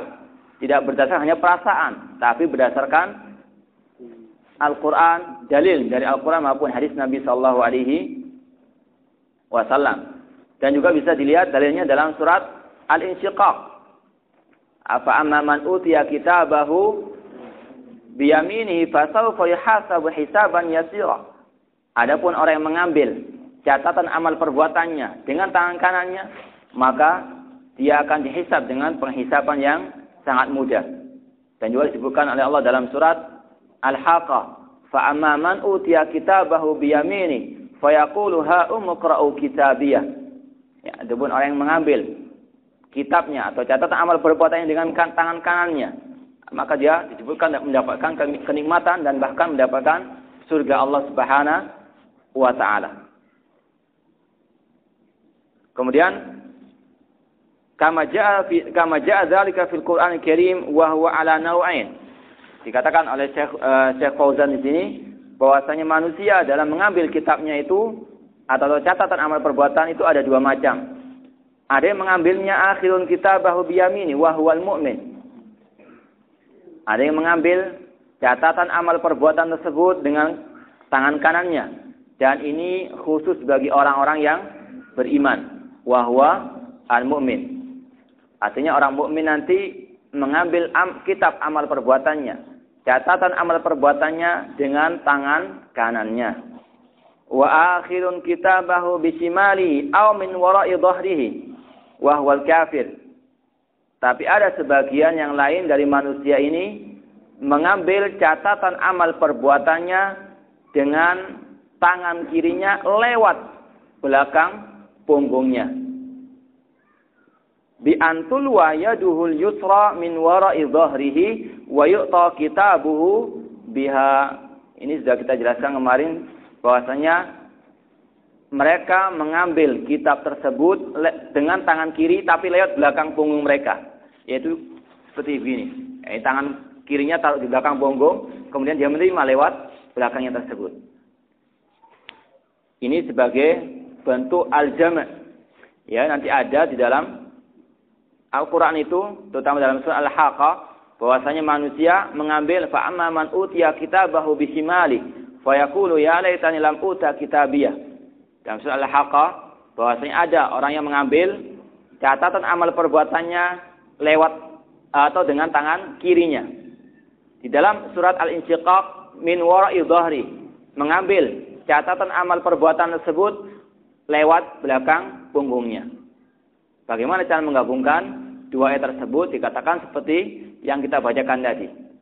Dengan tangan kiri tapi lewat belakang punggungnya. Karena tangan kanannya nanti dijelaskan di sini itu dibelenggu. Ya tidak bisa mengambil tangan mengambil catatan amal perbuatan tersebut. Kama ja'atil ayat sebagaimana yang dijelaskan oleh ayat-ayat Al-Qur'an. Bihada wa hada wala munafa bainahuma. Dikatakan di sini tidak ada pertentangan antara ayat yang mengatakan orang tersebut mengambil dengan tangan kirinya dan dengan di belakang punggungnya. Semuanya itu bisa dijamakkan karena Al-Qur'an tidak mungkin ada yang bertentangan di dalamnya. Afala yatadabbaruna al-Qur'an walau kana min indi ghairillahi lawajadu fihi ikhtilafan katsira. Apakah mereka tidak mentadabburi Al-Qur'an? Seandainya Al-Qur'an itu bukan dari Allah, maka sungguh mereka akan mendapatkan perselisihan atau pertentangan yang banyak dalam Al-Quran. Tapi sebaliknya, karena Al-Quran dari Allah, maka tidak akan mungkin ada pertentangan. Di anal kafir tughalla yumnahu ila unuqihi wa tuj'an yusrahu wara'a dhahrihi fayakhud biha kitabahu. Dijelaskan kembali bahwasanya orang kafir karena dibelenggu tangan kanannya sampai ke lehernya dan tangan kirinya itu dijadikan oleh Allah di belakangnya sambil mengambil catatan amal perbuatan tersebut. Ini yang berkaitan dengan cara manusia mengambil catatan amal perbuatan mereka pada hari kiamat. Kemudian Syekh Saleh Fauzan mengatakan, "Tsumma stadalla Syekh biqaulihi ta'ala wa kullu insanin alzamnahu ta'irahu fi unuqihi." Dalam sebuah ayat Allah berfirman, yaitu dalam surah Al-Isra, setiap manusia kami tetapkan amal perbuatannya wa ta'iruhu ma anhu min amalihi min khairin wa syarrin. Artinya telah ditetapkan oleh Allah ada orang yang mengamalkan kebaikan, ada yang mengamalkan kejelekan. Tapi bukan berarti Allah menyuruh ke tempat kejelekan tidak. Justru Allah melarang dari kejelekan. Allah memerintahkan kepada yang baik. Tapi sebagai manusia, ada yang mengikuti hawa nafsunya, ada yang mengikuti petunjuk dari Allah Subhanahu wa taala. Wa hadainahun najdain. Allah telah menjelaskan jalan yang baik maupun jalan yang yang lurus. Meskipun kalau orang itu mengamalkan amal yang jelek, itu semua dengan takdir Allah Subhanahu wa taala. Fi unuqi ayyalzam bihi wa yujaza bihi la mahida lahu anhu. Eh manusia tidak akan mungkin bisa terluput dari takdir Allah Subhanahu wa taala. Fahuwa lazimun lahu luzumal qiladati fil unuq. Yang mana takdir Allah ini diibaratkan seperti kalung yang selalu melekat di leher pemiliknya. Tidak mungkin bisa ter terlepaskan. Wa nukhriju lahu yaumal qiyamati kitaban yalqahu mansyura. Nanti pada hari kiamat kelak Allah akan memaparkan kepadanya kitabnya dalam keadaan terbuka. Ya, diberikan atau dipaparkan, diperlihatkan catatan amal perbuatan tersebut dalam keadaan terbuka. Aina jama'lahu amalahu kullahu fi kitabin yu'tahu yaumal qiyamah. Kata Allah Subhanahu wa taala nanti kita akan mengumpulkan amal perbuatan tersebut dalam satu kitab yang diberikan kepadanya pada hari kiamat kelak. Imma biyamini. Ada yang diberikan kitabnya lewat tangan kanannya. Ingkana sa'idan. Jika orang itu termasuk orang yang berbahagia au bisimalihi. Ada yang diberikan kitabnya dengan tangan kirinya. Ingkana syaqiyah. Jika orang tersebut adalah orang-orang yang celaka. Mansura maftuhan yaqra'uhu huwa wa ghairuhu. Catatan amal tersebut dibuka oleh Allah sehingga bisa pelakunya melihat sendiri dan juga disaksikan oleh orang-orang yang yang lain. Sebagaimana kita sebutkan dahulu, di antara hikmah Allah memaparkan atau adanya catatan amal perbuatan ini adalah untuk menunjukkan bagaimana adilnya Allah Subhanahu wa taala. Tidak ada kezaliman sama sekali di di akhir kelak. Semuanya akan dibalas sesuai dengan amal perbuatannya. Insyarran fasyarran. Apabila perbuatan di dunia jelek, pasti balasannya juga jelek. Dan sebaliknya. Wa inna maqala subhana yalqahu mansura ta'jilan lil busratil bil hasana wa tawbihi ala sayyiati. Apa hikmah di balik Allah membuka semua catatan amal perbuatan manusia pada hari itu untuk mempercepat ke, ke, kegembiraan atau untuk memberikan kabar gembira kepada orang yang berbuat kebaikan dan juga memberikan kabar buruk kepada yang berbuat kejelekan pada hari kiamat kelak. Karena adalah hari di mana manusia akan di, diberikan balasannya. Di antara balasannya dibukakannya apa? Catatan amal perbuat. Eh, kalau kita misalnya dulu waktu di sekolah, ya kalau guru itu memaparkan nilai-nilai kita, walaupun yaitu tidak sebanding dengan di akhir, tapi ada rasa apa? Kesedihan. Apalagi kalau orang lain apa? Melihatnya. Ini adalah azab Allah pada hari kiamat kelak yang tidak akan mungkin terlewati oleh siapa pun juga bagi yang beramal kejelekan. Kemudian Allah mengatakan ikra kitabak. Bacalah catatan amal perbuatanmu. Aina kullahu qabla an kitab. Man kana qari'an wa man yakun qari'an. Allah mengatakan kepada mereka, bacalah kitab kalian sendiri. Diperintahkan oleh Allah untuk membaca kitab mereka sendiri sebelum mereka membacanya. Ini sebagai bentuk perintah Allah yang juga terdapat sedikit ancaman. Ya baca kitabmu, engkau lah yang akan menjadi saksi atas semua per perbuatanmu tersebut. Kemudian kafa binafsika al-yawma 'alaika hasiba. Cukuplah bagi dirimu sebagai penghisap atau yang menghitung semua perbuatanmu tersebut. Ai hisa hasiban sebagai orang yang menghitung amal perbuatannya sendiri. Wa hadza a'dhamul adl. Ini semulia-mulianya keadilan Allah Subhanahu wa taala. Ya, tidak ada yang disembunyikan oleh Allah Subhanahu wa taala. Semua dipaparkan oleh Allah Subhanahu wa taala dan dia menjadi saksi sendiri atas dirinya sendiri. Wa hadza a'dhamul adl haitsu ja'alahu hasiba nafsihi liyara jami'a amalihi la yunkir minhu syai'an. Dan orang yang bacanya tersebut tidak bisa mengingkari apa yang tercatat dalam kitab tersebut. Karena semuanya nyata. Pernah dikerjakannya di di dunia.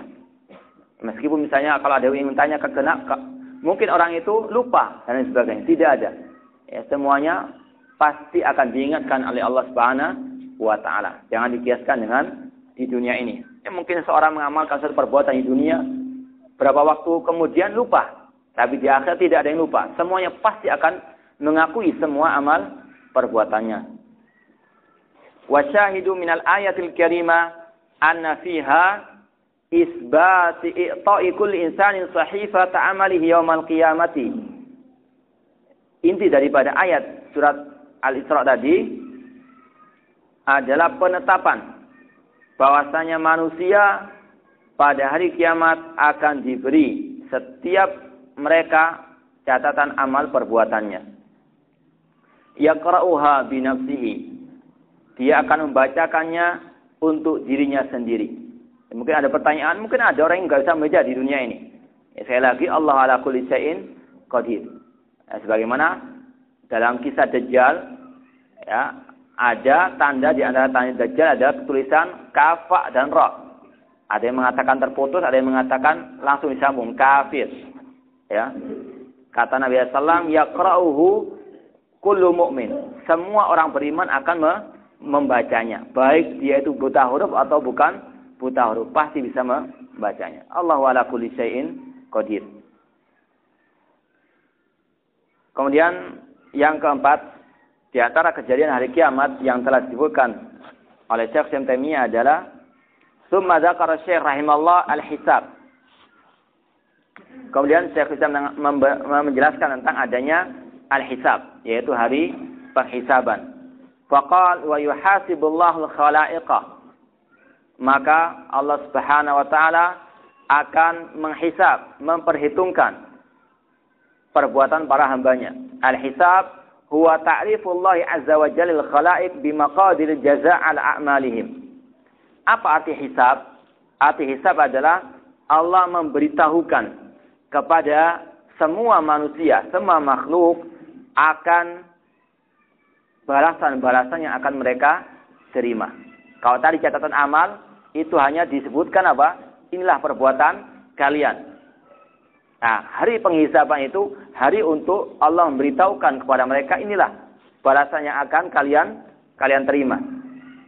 Wa tadhkiruhu iyahum ma qad nasau min dzalik dan juga mengingatkan mereka akan perbuatan mereka yang telah mereka lupakan. Eh, setiap mereka lupa dengan perbuatan yang mereka lakukan, Allah akan mengingatkannya dan Allah akan me menjelaskan inilah balasan yang kalian berhak untuk menerimanya. Au bi ibaratin ukhra. Atau dengan kata lain hisab adalah tauqifullahi ibadahu qabla insiraf minal mahsyar ala a'malihim khairan kanat aw syarran.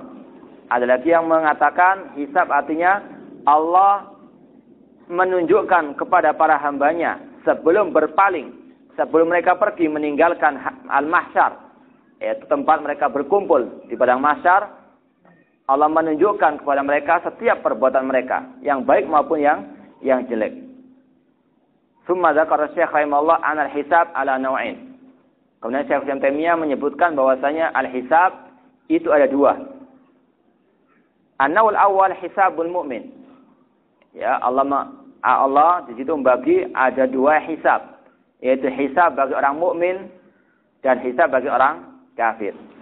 Qala fihi adapun orang mukmin wa yakhlu bi abdihi mu'min fayuqarriruhu bi dhunubihi kama wusifa dzalika bil kitabi was sunnah.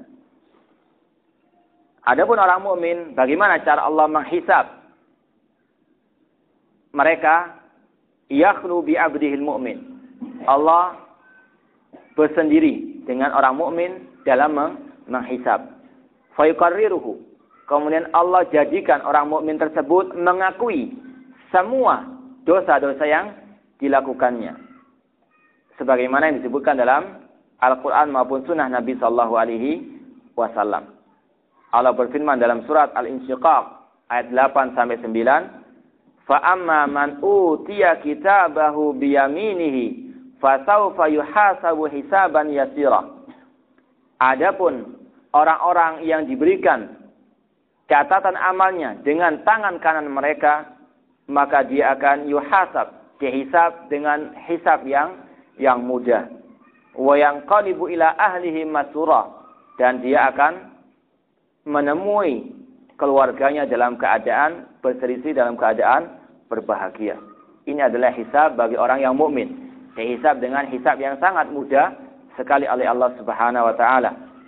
Dan disebutkan dalam hadis riwayat Bukhari dan Muslim wa fi sahihaini an Ibnu Umar radhiyallahu anhuma qal sami'tu Rasulullah SAW yaqul dari Ibnu Umar radhiyallahu anhuma bahwasanya beliau mendengar Rasul bersabda innallaha yujnil mu'mina fayadha'u alaihi kanafahu wa yasturahu minan nasi. Sesungguhnya Allah akan mendekatkan orang mukmin kepada dirinya dan Allah pun menutupi dirinya, menutupi orang mukmin tersebut minan nas dari manusia. Wa yuqarriruhu bidunubihi dan Allah pun menjadikan orang mukmin tersebut mengakui segala bentuk dosa dan maksiat yang dilakukannya. Wa yaqulu Allah berfirman kepada orang tersebut, Ata'rifu dzanba kada? Apakah engkau masih ingat perbuatan dosamu ini? Ata'rifu dzanba kada? Apa engkau mengetahui dosa yang kau lakukan seperti ini? Ata'rifu dzanba kada? Sampai tiga kali. Hatta idza qarrarahu bidunubihi wa ra'a fi nafsihi an qad halaka qala fa inni qad satartuha 'alaika fid dunya. Sehingga ketika orang mukmin tersebut mengakui segala dosa dan maksiat yang dia lakukannya dan dia mengetahui dia tidak akan bisa selamat. Dari hari pembalasan ini Allah pun mengatakan ini qasatar tuha aku telah menutupinya bagimu. Aku telah mengampuni semua dosa yang kau lakukan ini. Sebagaimana aku telah menutupi dosa-dosamu pada waktu engkau masih di di dunia. Summa yu'ta kitaba hasanatihi. Kemudian orang tersebut diberikan kitab catatan amal kebaikannya lewat sebelah atau dengan tangan kanannya. Ini adalah hisab bagi seorang mukmin dan kita mengharapkan semoga Allah Subhanahu wa taala yuhasibana hisaban yasira. Semoga Allah taala menghisab diri kita dengan penghisaban yang yang mudah dan semoga Allah taala yastur auratana fid dunya wal akhirah. Semoga Allah menutup aib atau dosa-dosa kita baik di dunia maupun di di akhirat. Dari sini juga tidak selayaknya seorang muslim yang ketika ditutup auratnya, ditutup dosanya oleh Allah Subhanahu wa taala, kemudian dia membukanya kembali di tengah-tengah manusia. Oleh karena itulah Nabi SAW mengancam orang-orang yang berbangga dengan perbuatan maksiatnya. Padahal Allah telah menutupinya. Nabi SAW mengatakan, Kullu ummati mu'afan illa mujahirun. Setiap umatku pasti akan diampuni dosanya oleh Allah Subhanahu wa taala. Illa mujahirun. Kecuali orang yang berbangga dengan kemaksiatannya. Dia ceritakan perbuatan dosanya kepada manusia. Untuk apa berbangga-banggaan? Eh, padahal telah ditutupi oleh Allah Subhanahu wa taala. Dan di antara adab atau di antara hak seorang muslim terhadap muslim yang lainnya adalah menutupi aurat saudaranya tersebut. Ya, kalau ada saudara kita salah, berbuat dosa, semampu mungkin untuk kita tutupi. tapi tidak meniadakan akan adanya an-nasiha. Kita nasihati, tapi jangan kita sebarkan di tengah-tengah apa? manusia yang banyak. Ya cukup antara kita dengan dia. Kita nasihati, kemudian kita tutupi auratnya. Kalau dia melakukan lagi, terus kita lakukan seperti itu. Ya, kecuali kalau sampai ya ada orang lain yang terpengaruh dan sebagainya, mungkin kita bisa mentahdirnya, mengingatkannya. Tapi awal mula harus kita nasihat dengan baik dan kita tutupi aurat saudara kita. Karena Nabi SAW pernah bersabda, Man satara an akhihi satallahu fid dunya wal akhirah. Barang siapa yang menutupi aib saudaranya di dunia, maka pasti dia akan ditutupi auratnya di dunia maupun di di akhirat. Dan diri kita juga tidak mau dilakukan seperti itu. Ya, nggak mau kalau aurat kita dibeberkan di tengah di tengah manusia, di tengah saudara-saudara kita atau di tengah teman-teman teman kita. Bahkan kita sendiri me, menginginkan Allah menutupi aurat kita. Kita diajarkan oleh Nabi SAW dalam zikir pagi dan petang ada kalimat apa? Wastur aurati. Dan tutupilah ya Allah ah, aurat-auratku. Setiap manusia pasti punya dosa dan maksiat, punya kesalahan. Kalau dia tidak ingin kesalahannya disebarkan di tengah manusia, maka janganlah dia apa, menyebarkan aib saudaranya di tengah apa? Di tengah khalayak yang yang ramai. Karena juga ada sebagian orang yang salah paham. Ya, dia ingin niatnya itu baik, niatnya baik untuk menasihati, tapi kadang-kadang salah tempatnya. Di depan manusia yang banyak, dia apa? Menasihati dengan dengan terang-terangan. Padahal aib atau khilafnya itu bukan di telah, bukan di tengah-tengah apa? Orang banyak. Ya, dia bermaksiat sendirian, misalnya di, eh, di rumahnya tanpa ada yang mengetahuinya. Kemudian dinasihati di tengah saudara-saudaranya. Ini bukan termasuk fikih atau adab dalam menasihati. Imam Syafi'i rahimahullah mengatakan, "Ta'ammadni binushika fi infiradi wa jannibni nasiha bainal jama'ati fa inna nusha bainal jama'ati naw'un min at-tawbih la arda istima'ahu." Kata Imam Syafi'i rahimahullah, "Berikanlah nasihat kepadaku jika kala aku dalam keadaan sendirian." Ta'ammadni binushika fi infiradi. Nasihatilah diriku dalam keadaan sendirian, empat mata wa jannibni nasihata bainan nasi. Dan tolong jangan nasihati aku di kalangan atau di tengah orang banyak. Fa inna nusha bainan nasi na'un minat tawbihi. Karena menasihati seseorang di tengah orang banyak itu tidaklah berbeda dengan apa? mencelahnya atau mencaci mencaci makinya. Fala arda istima'ahu. Kalau engkau berbuat seperti itu, maka aku tidak mau mendengarkannya.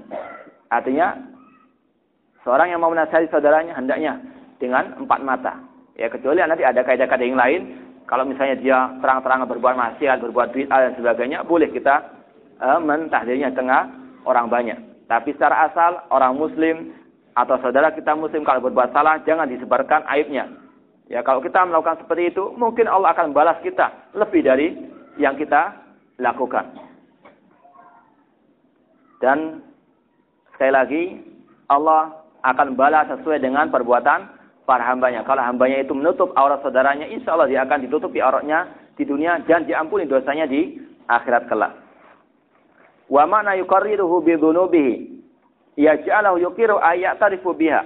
Di dalam hadis itu ada kata-kata yukarriruhu. Apa arti yukarriruhu? Yaitu Allah membuat orang mukmin tersebut mengakui segala bentuk dosa dan maksiat yang dilakukannya. Kama fi hadil hadis. Sebagaimana disebutkan dalam hadis ini. Atarifu dan bakyada. Allah mengatakan, apakah engkau mengakui akan adanya dosa yang kau lakukan ini? Atarifu dan bakyada. Wa minal mu'minin man yadkhulul jannata bighairi hisab. Di antara orang beriman, nanti pada hari kiamat itu ada orang-orang yang tidak dihisab oleh Allah Subhanahu wa taala. Sebagaimana dalam hadis, nanti ada di antara umat ini sab'una alfan, 70 ribu orang yang masuk surga bi hisab tanpa ada hisab. Ya, para para sahabat bertanya, "Siapa ya Rasulullah? Siapa yang dikatakan masuk surga tanpa hisab itu?" Yaitu humul ladzina la yatatayyarun atau la yasarqun wa humul la yasarqun, yaitu orang-orang yang tidak diminta untuk diruqyah. Ya, misalnya dia sakit, tidak mengatakan, "Tolong saudaraku, ru'yalah aku. Artinya bacakanlah Al-Quran untukku untuk menyakiti apa? penyakitku. Ini tidak diperbolehkan. Ya, kalau kita mau mengobati, obati diri sendiri kita sendiri dengan baca Al-Quran. Ya, jangan menyuruh orang lain. Namanya yasarkun. Ini termasuk orang-orang yang tidak masuk surga bi hisab. Artinya pasti akan dia di dihisab pada hari kiamat. Bukan berarti dia kafir atau keluar dari Islam bukan. Artinya seorang yang masuk surga tanpa hisab ini suatu keistimewaan yang sangat luar biasa. Ya, di antara syaratnya orang itu tidak boleh minta ruqyah, la yasarkun, wala yaktawun, tidak minta untuk dikai. Kai itu artinya di apa namanya? Dalam bahasa Indonesia-nya? Ya, dicos dengan besi panas. Enggak tahu apa istilahnya dalam bahasa Indonesia. Bukan bukan tatu. Jadi ada penyakit misalnya kemudian di ya di ya diberikan besi panas atau ditempelkan besi panas di badannya ini artinya layak tahun. Kemudian yang ketiga syarat orang tersebut masuk surga tanpa hisab adalah la yatatayyarun. Tatayyur itu menganggap sial akan sesuatu. Ini kebiasaan orang Jawa. Eh kalau ada burung hantu, ini ada ada kematian. Eh kalau ada nyamuk atau ada apa, nanti ini sial dan sebagainya. Ya. Dan lain seterusnya. Ini banyak di tengah ya adat orang-orang Jawa. Eh makanya kita buang eh, adat-adat yang tidak sesuai dengan Islam. Yang tanya tadi, menganggap sial. Dan juga banyak misalnya rumah kalau apa tusuk sate itu sial. Ya, rumah itu tusuk sate pasti persimpangan jalan dan sebagainya ini sial katanya. Atau ya sebagaimana yang diyakini oleh orang Cina. Ya, ada yang harus syaratnya kalau tidak sial dan sebagainya adalah tatayur, khurafat yang tidak ada tidak ada dasarnya dari dari Islam. Semuanya adalah impor dari orang-orang jahiliyah, orang-orang kufar. Maka tidak boleh kita me meyakini akan hal tersebut. Meskipun kadang-kadang terjadi. yang misalnya katakan, wah sial nanti kamu. Kemudian terjadi sial. Ini bukan karena orang tersebut. Bukan karena benda tersebut.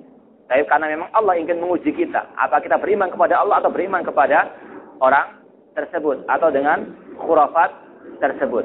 Karena tidak semua yang terjadi, semua yang berhasil itu dikatakan sebagai dalil dalilnya itu Al-Quran wa Sunnah. Adapun kejadian ataupun kisah ataupun yang lainnya itu harus kita timbang dengan Al-Quran wa Sunnah Nabi Sallallahu Alaihi Wasallam.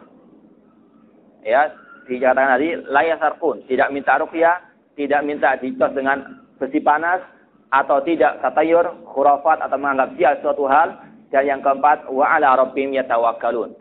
Ya caranya yang keempat dan ini adalah inti daripada semua itu dan mereka selalu bertawakal kepada Allah Subhanahu wa taala. Tawakal artinya berusaha kemudian juga menyerahkan semuanya kepada Allah Subhanahu wa taala.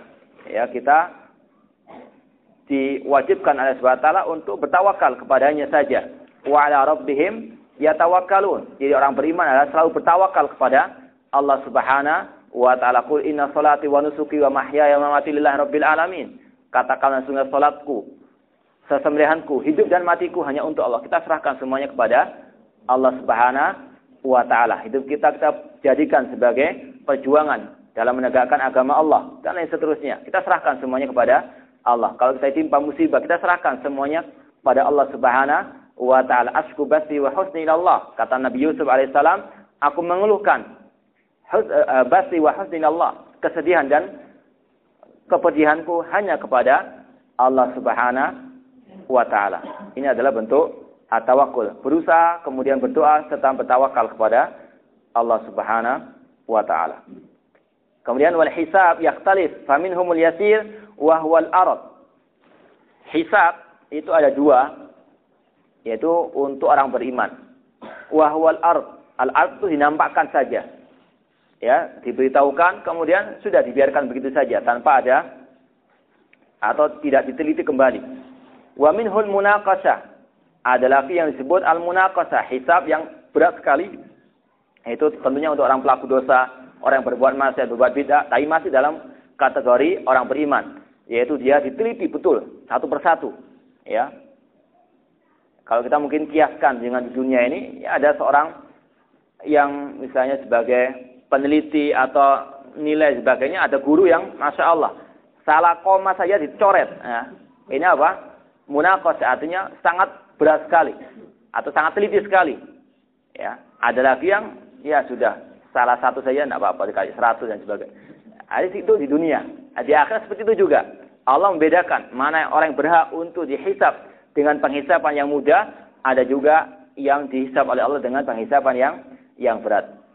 Wa fi sahihain an Aisyah radhiyallahu anha anna Rasulullah sallallahu alaihi di dalam Sahih Bukhari dan Muslim dari Aisyah radhiyallahu anha bahwasanya Rasulullah SAW bersabda, "Laisa ahadun yuhasabu yaumal qiyamah illa halak." Tidak ada seorang pun yang dihisab, yaitu dengan hisab yang berat pada hari kiamat, kecuali dia akan celaka. Fakultu, Aisyah bertanya kepada Rasulullah SAW, Ya Rasulullah, alaisa qad Allah Ta'ala, bukankah Allah telah berfirman, Fa'amma man utiya kitabahu biyamini, fasawfa yuhasabu hisaban yasirah. Barang siapa yang diberikan kitabnya dengan tangan kanannya, maka dia akan hisab dengan hisab yang yang mudah. Faqala Rasulullah SAW, innama zalikal arad yang dimaksud dalam ayat tersebut adalah al-ard, yaitu penghisapan yang yang mudah ditampakkan, tidak terlalu di detail. Walaysa ahadun yunaqash al-hisab yaumal qiyamah illa udhib. Adapun orang yang dimunaqash artinya penghisapannya itu sangat teliti sekali atau di uh, diperketat maka dia akan diadab oleh Allah Subhanahu wa taala. Ini hisab bagi orang mukmin. Hisabun yang sangat berat dan hisab yang sangat yang sangat mudah. Kemudian an-naul sani. Macam yang kedua dari hisab adalah hisabul kufar. Orang kafir juga akan dihisab oleh Allah Subhanahu wa taala akan diperhitungkan semua amal perbuatannya, tapi bukan amal kebaikannya, tapi hanya amal ke kejelekannya saja. Adapun orang mukmin akan diperhitungkan kebaikan dan kejelekannya. Baik itu orang mukmin yang bertakwa maupun orang yang berbuat dosa besar-besar atau orang yang berlumuran dosa. Tapi orang kafir dihisap dengan penghisapan yang tidak ada kebaikannya sama sekali. Kenapa demikian? Karena orang kafir bermacam-macam. Meskipun satu, yaitu mereka adalah orang kafir. Tidak ada amal kebaikan sama sekali. Tapi setiap mereka berbeda dengan yang lainnya. Ada yang berbuat jahat tiap hari. Ada, Masya Allah, masih punya apa? Rasa kasih sayang dengan orang lain. Ini akan dihisap oleh Allah Subhanahu wa taala. Itu dihisap apa kejelekannya saja. Adapun kebaikannya tidak akan diperhitungkan oleh Allah sama sekali. Wa amal kufar, adapun orang kafir, fala yuhasabuna muhasabata man tuzan hasanatu wa sayiatu fa innahu la hasanata lahum.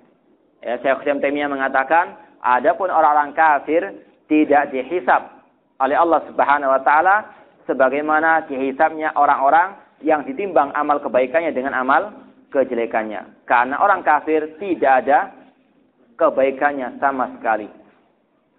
Allah berfirman, "Wa qadimna ila ma amilu min amalin faj'alnahu haba'an mansura." Eh, kami hadapi amal perbuatan mereka orang-orang kafir itu dan kami jadikan seperti debu yang ber, bertebangan. Demikian juga orang musyrik, orang yang berbuat syirik meskipun sekali saja tapi tidak bertobat sebelum dia meninggal pasti akan digugurkan semua amal perbuatannya oleh Allah Subhanahu wa taala. Lain asraqta la yahbatanna amaluka wa la minal khasirin. Jika engkau berbuat syirik wahai Muhammad sedikit saja maka aku akan gugurkan semua amal perbuatan. Nabi SAW yang banyak ibadahnya yang tidak ada yang mengalainya sama sekali.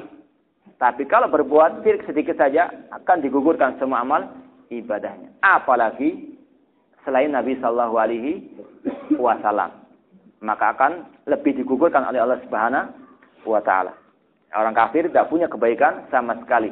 Oleh karena itulah jangan kita tertipu dengan kebaikan orang-orang kufar. Ya, meskipun mereka menyumbang dan sebagainya, kita yakini semua amal perbuatannya itu tidak bermanfaat sama sekali.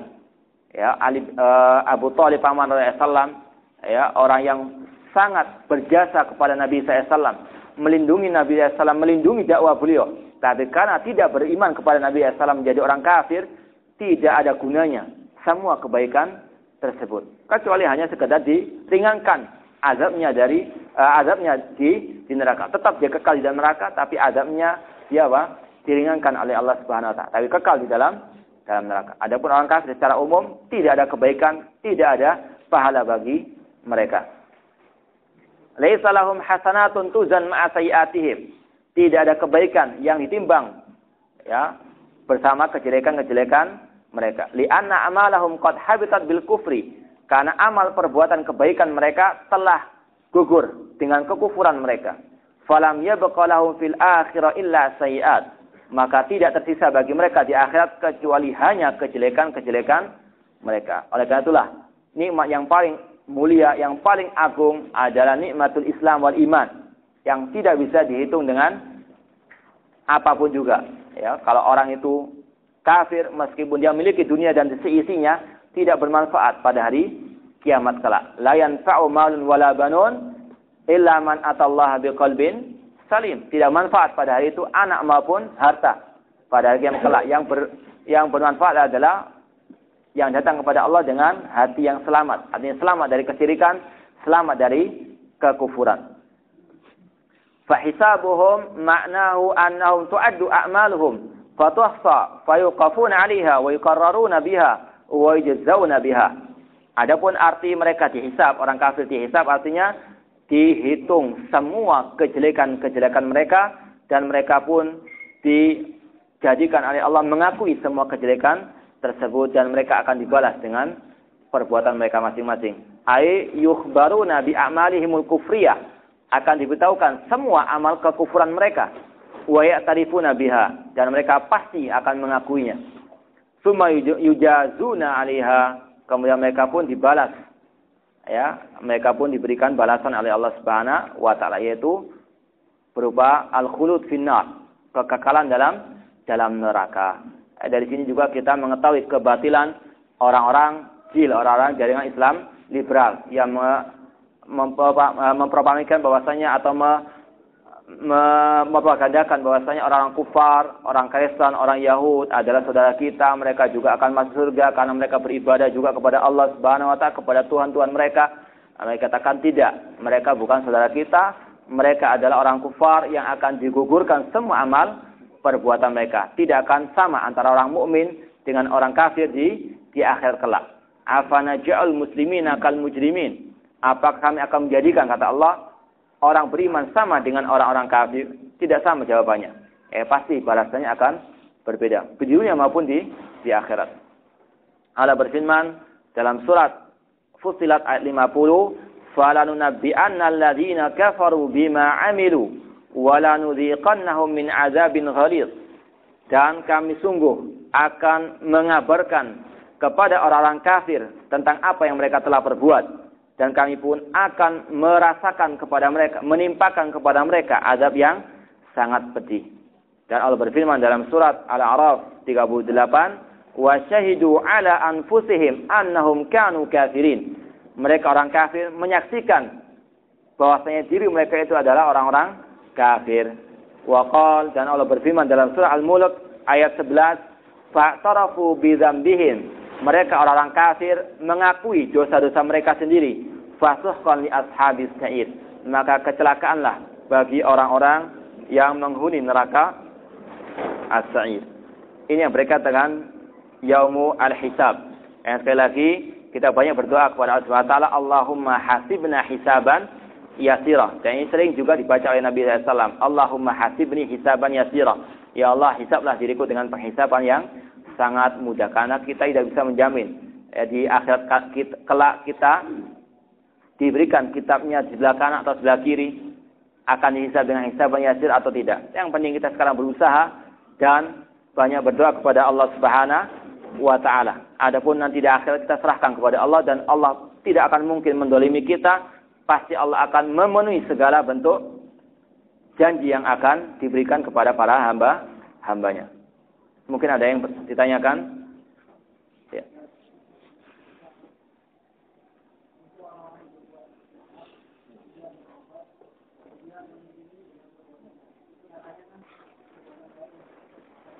Iya.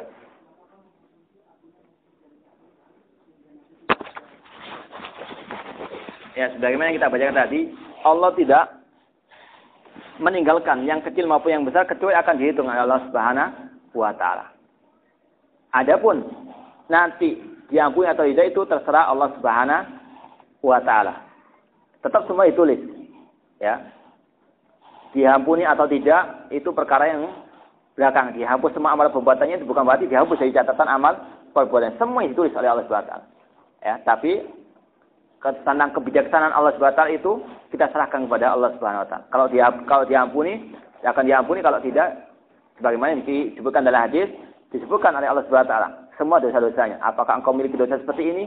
Ya, kalau orang mukmin itu menjawab iya, kemudian sampai terakhir kemudian apa diampuni oleh Allah Subhanahu wa. Tetap amal perbuatannya itu menghitung semua amal perbuatannya. Yang diampuni atau yang di, tidak diampuni. Wallahu a'lam. Ya. Ya, disebutkan dalam Sahih Muslim bahwasanya amal perbuatan orang kafir yang baik dahulunya itu akan diperhitungkan oleh Allah Subhanahu wa taala kembali. Disebutkan dalam Sahih Muslim bahwasanya al-Islam yajubbu ma qablaha. Islam itu akan menutupi apa yang ada pada waktu sebelumnya, yaitu pada waktu orang itu kafir. Semua dosanya akan diampuni oleh Allah Subhanahu wa taala semasa dia kafir dan semua amal kebaikannya akan diangkat kembali oleh Allah Subhanahu wa taala, tidak dihapus dihapuskan kembali. Makanya sekali lagi semua ditulis oleh Allah Subhanahu taala. Nanti entah dikasih pahala atau tidak itu Allah Subhanahu taala yang memberikannya nanti. Wallahu a'lam. Ya.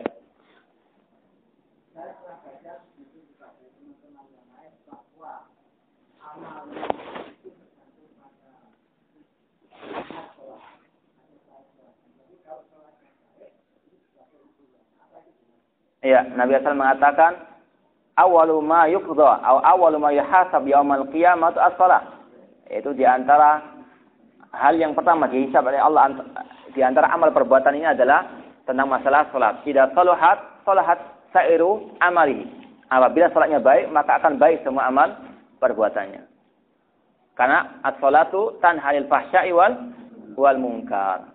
Bukan berarti yang lainnya di, di apa? Dilupakan oleh sebalik tidak. Semua akan diperhitungkan. Tapi kaidah cara asal kalau orang itu salahnya baik maka semuanya akan apa baik amal perbuatannya ya makanya kita koreksi kalau amal kita masih belum baik kita lihat apa salat kita benar atau atau tidak nah.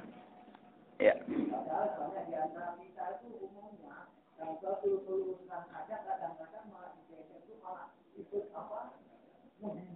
Iya. Bagaimana? Maka jawabnya sebagaimana Umar bin Khattab mengatakan, "Hasibu anfusakum qabla an tuhasabu." Hisablah diri kalian sendiri sebelum kalian dihisab oleh Allah Subhanahu wa taala. Kita koreksi semua amal perbuatan kita masing-masing. Eh, semua kita pasti masih banyak apa? kekurangan. Ya, mungkin kita sudah mengetahui banyak ilmu agama ini, banyak mengetahui akidah yang saya, banyak mengetahui sunnah Rasulullah, mungkin berapa banyak yang kita apa? masih belum mengerjakannya. Ya, kita koreksi diri kita sendiri, kemudian kita bercoba mencoba untuk me mengamalkannya. Yang kita ketahui dulu kita amalkan. Ya, yang kita ketahui kita apa? belajar terus sampai kita mengetahui dan kita mengamalkannya.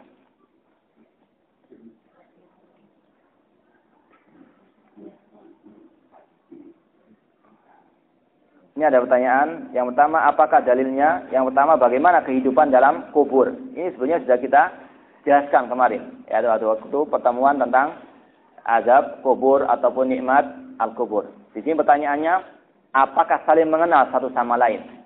Atau mengetahui familinya yang dikubur di sekitarnya.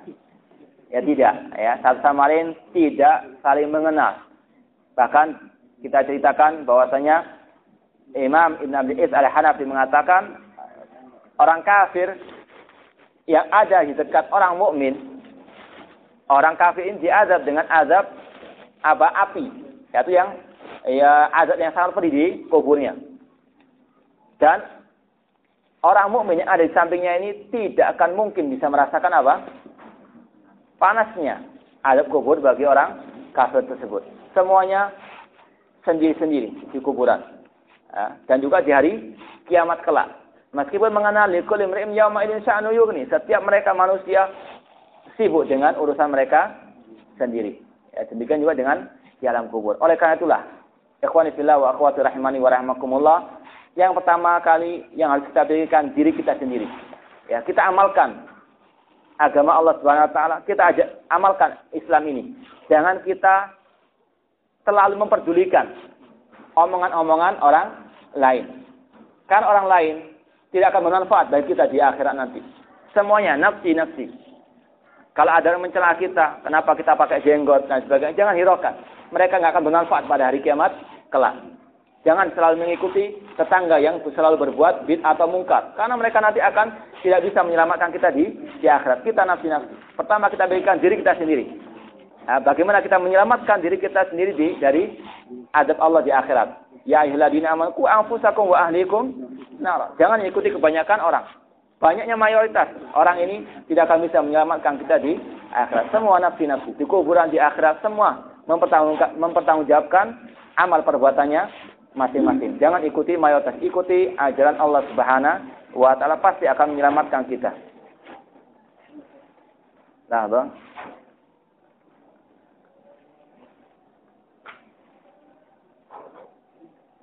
Kalau ziarah kubur masuk ke makam disunahkan untuk memberi salam dan apa apa ahli kubur mengetahui atau dapat menjawab salam dari orang yang masih hidup. Ya, kita katakan Seandainya orang ahli kubur itu tidak bisa mendengar, yang pasti ini adalah syariat Allah Subhanahu wa taala. Ini adalah ibadah. Seperti salat, salawat. Kita bersalawat kepada Nabi SAW. Apakah artinya kalau kita nggak bersalawat Nabi itu rugi enggak? Ya, nggak ada nggak ada apa untung atau ruginya. Yang rugi dulu justru apa? Kita sendiri. Ya, kita amalkan sunnah itu entah nanti orang kubur itu mendengar atau tidak. Tapi yang yang jelas yang ada dalam hadis yang bisa mendengar itu hanyalah Nabi Shallallahu Alaihi wasallam di alam kuburnya. Karena Allah Subhanahu wa taala mengembalikan rohnya Nabi SAW kepada jasanya untuk mendengarkan salawat ataupun salam dari kaum kaum muslimin. Adapun apakah orang kub, uh, yang dikubur, orang muslim yang ada di kubur semuanya itu bisa mendengar atau tidak? Tidak ada dalil yang me, uh, menentukannya. Artinya tidak ada nas yang yang jelas. Wallahu Yang ada nas untuk Nabi SAW saja. Tapi yang penting adalah ibadah. Kita lakukan apakah tahu hikmahnya atau atau tidak.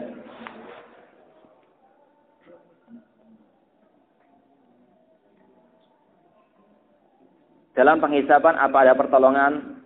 Yang pertama dari doa anak soleh dan doa saudara muslim anak yang meninggal sebelum sebelum balik. Ya nanti sebelum manusia itu akan dimasukkan ke dalam api neraka ataupun sudah dimasukkan dalam api neraka selama dia muslim insya Allah masih ada pertolongan baginya. Ya, ada syafaat Nabi SAW, ya ada syafaat orang-orang asyuhada, ada syafaat anak-anak yang anak kecil yang masih eh, yang yang meninggal dunia. Ini semuanya ada pertolongan dari Allah. Semuanya itu atas kehendak Allah Subhanahu wa taala. Kalau Allah menginginkan Allah akan memberikan pertolongan lewat syafaat-syafaat tersebut. Oleh karena itu banyak-banyaklah kita ber berdoa kepada Allah semoga Allah Subhanahu wa taala selalu mengampuni dosa-dosa kita. Ya, pertanyaan terakhir.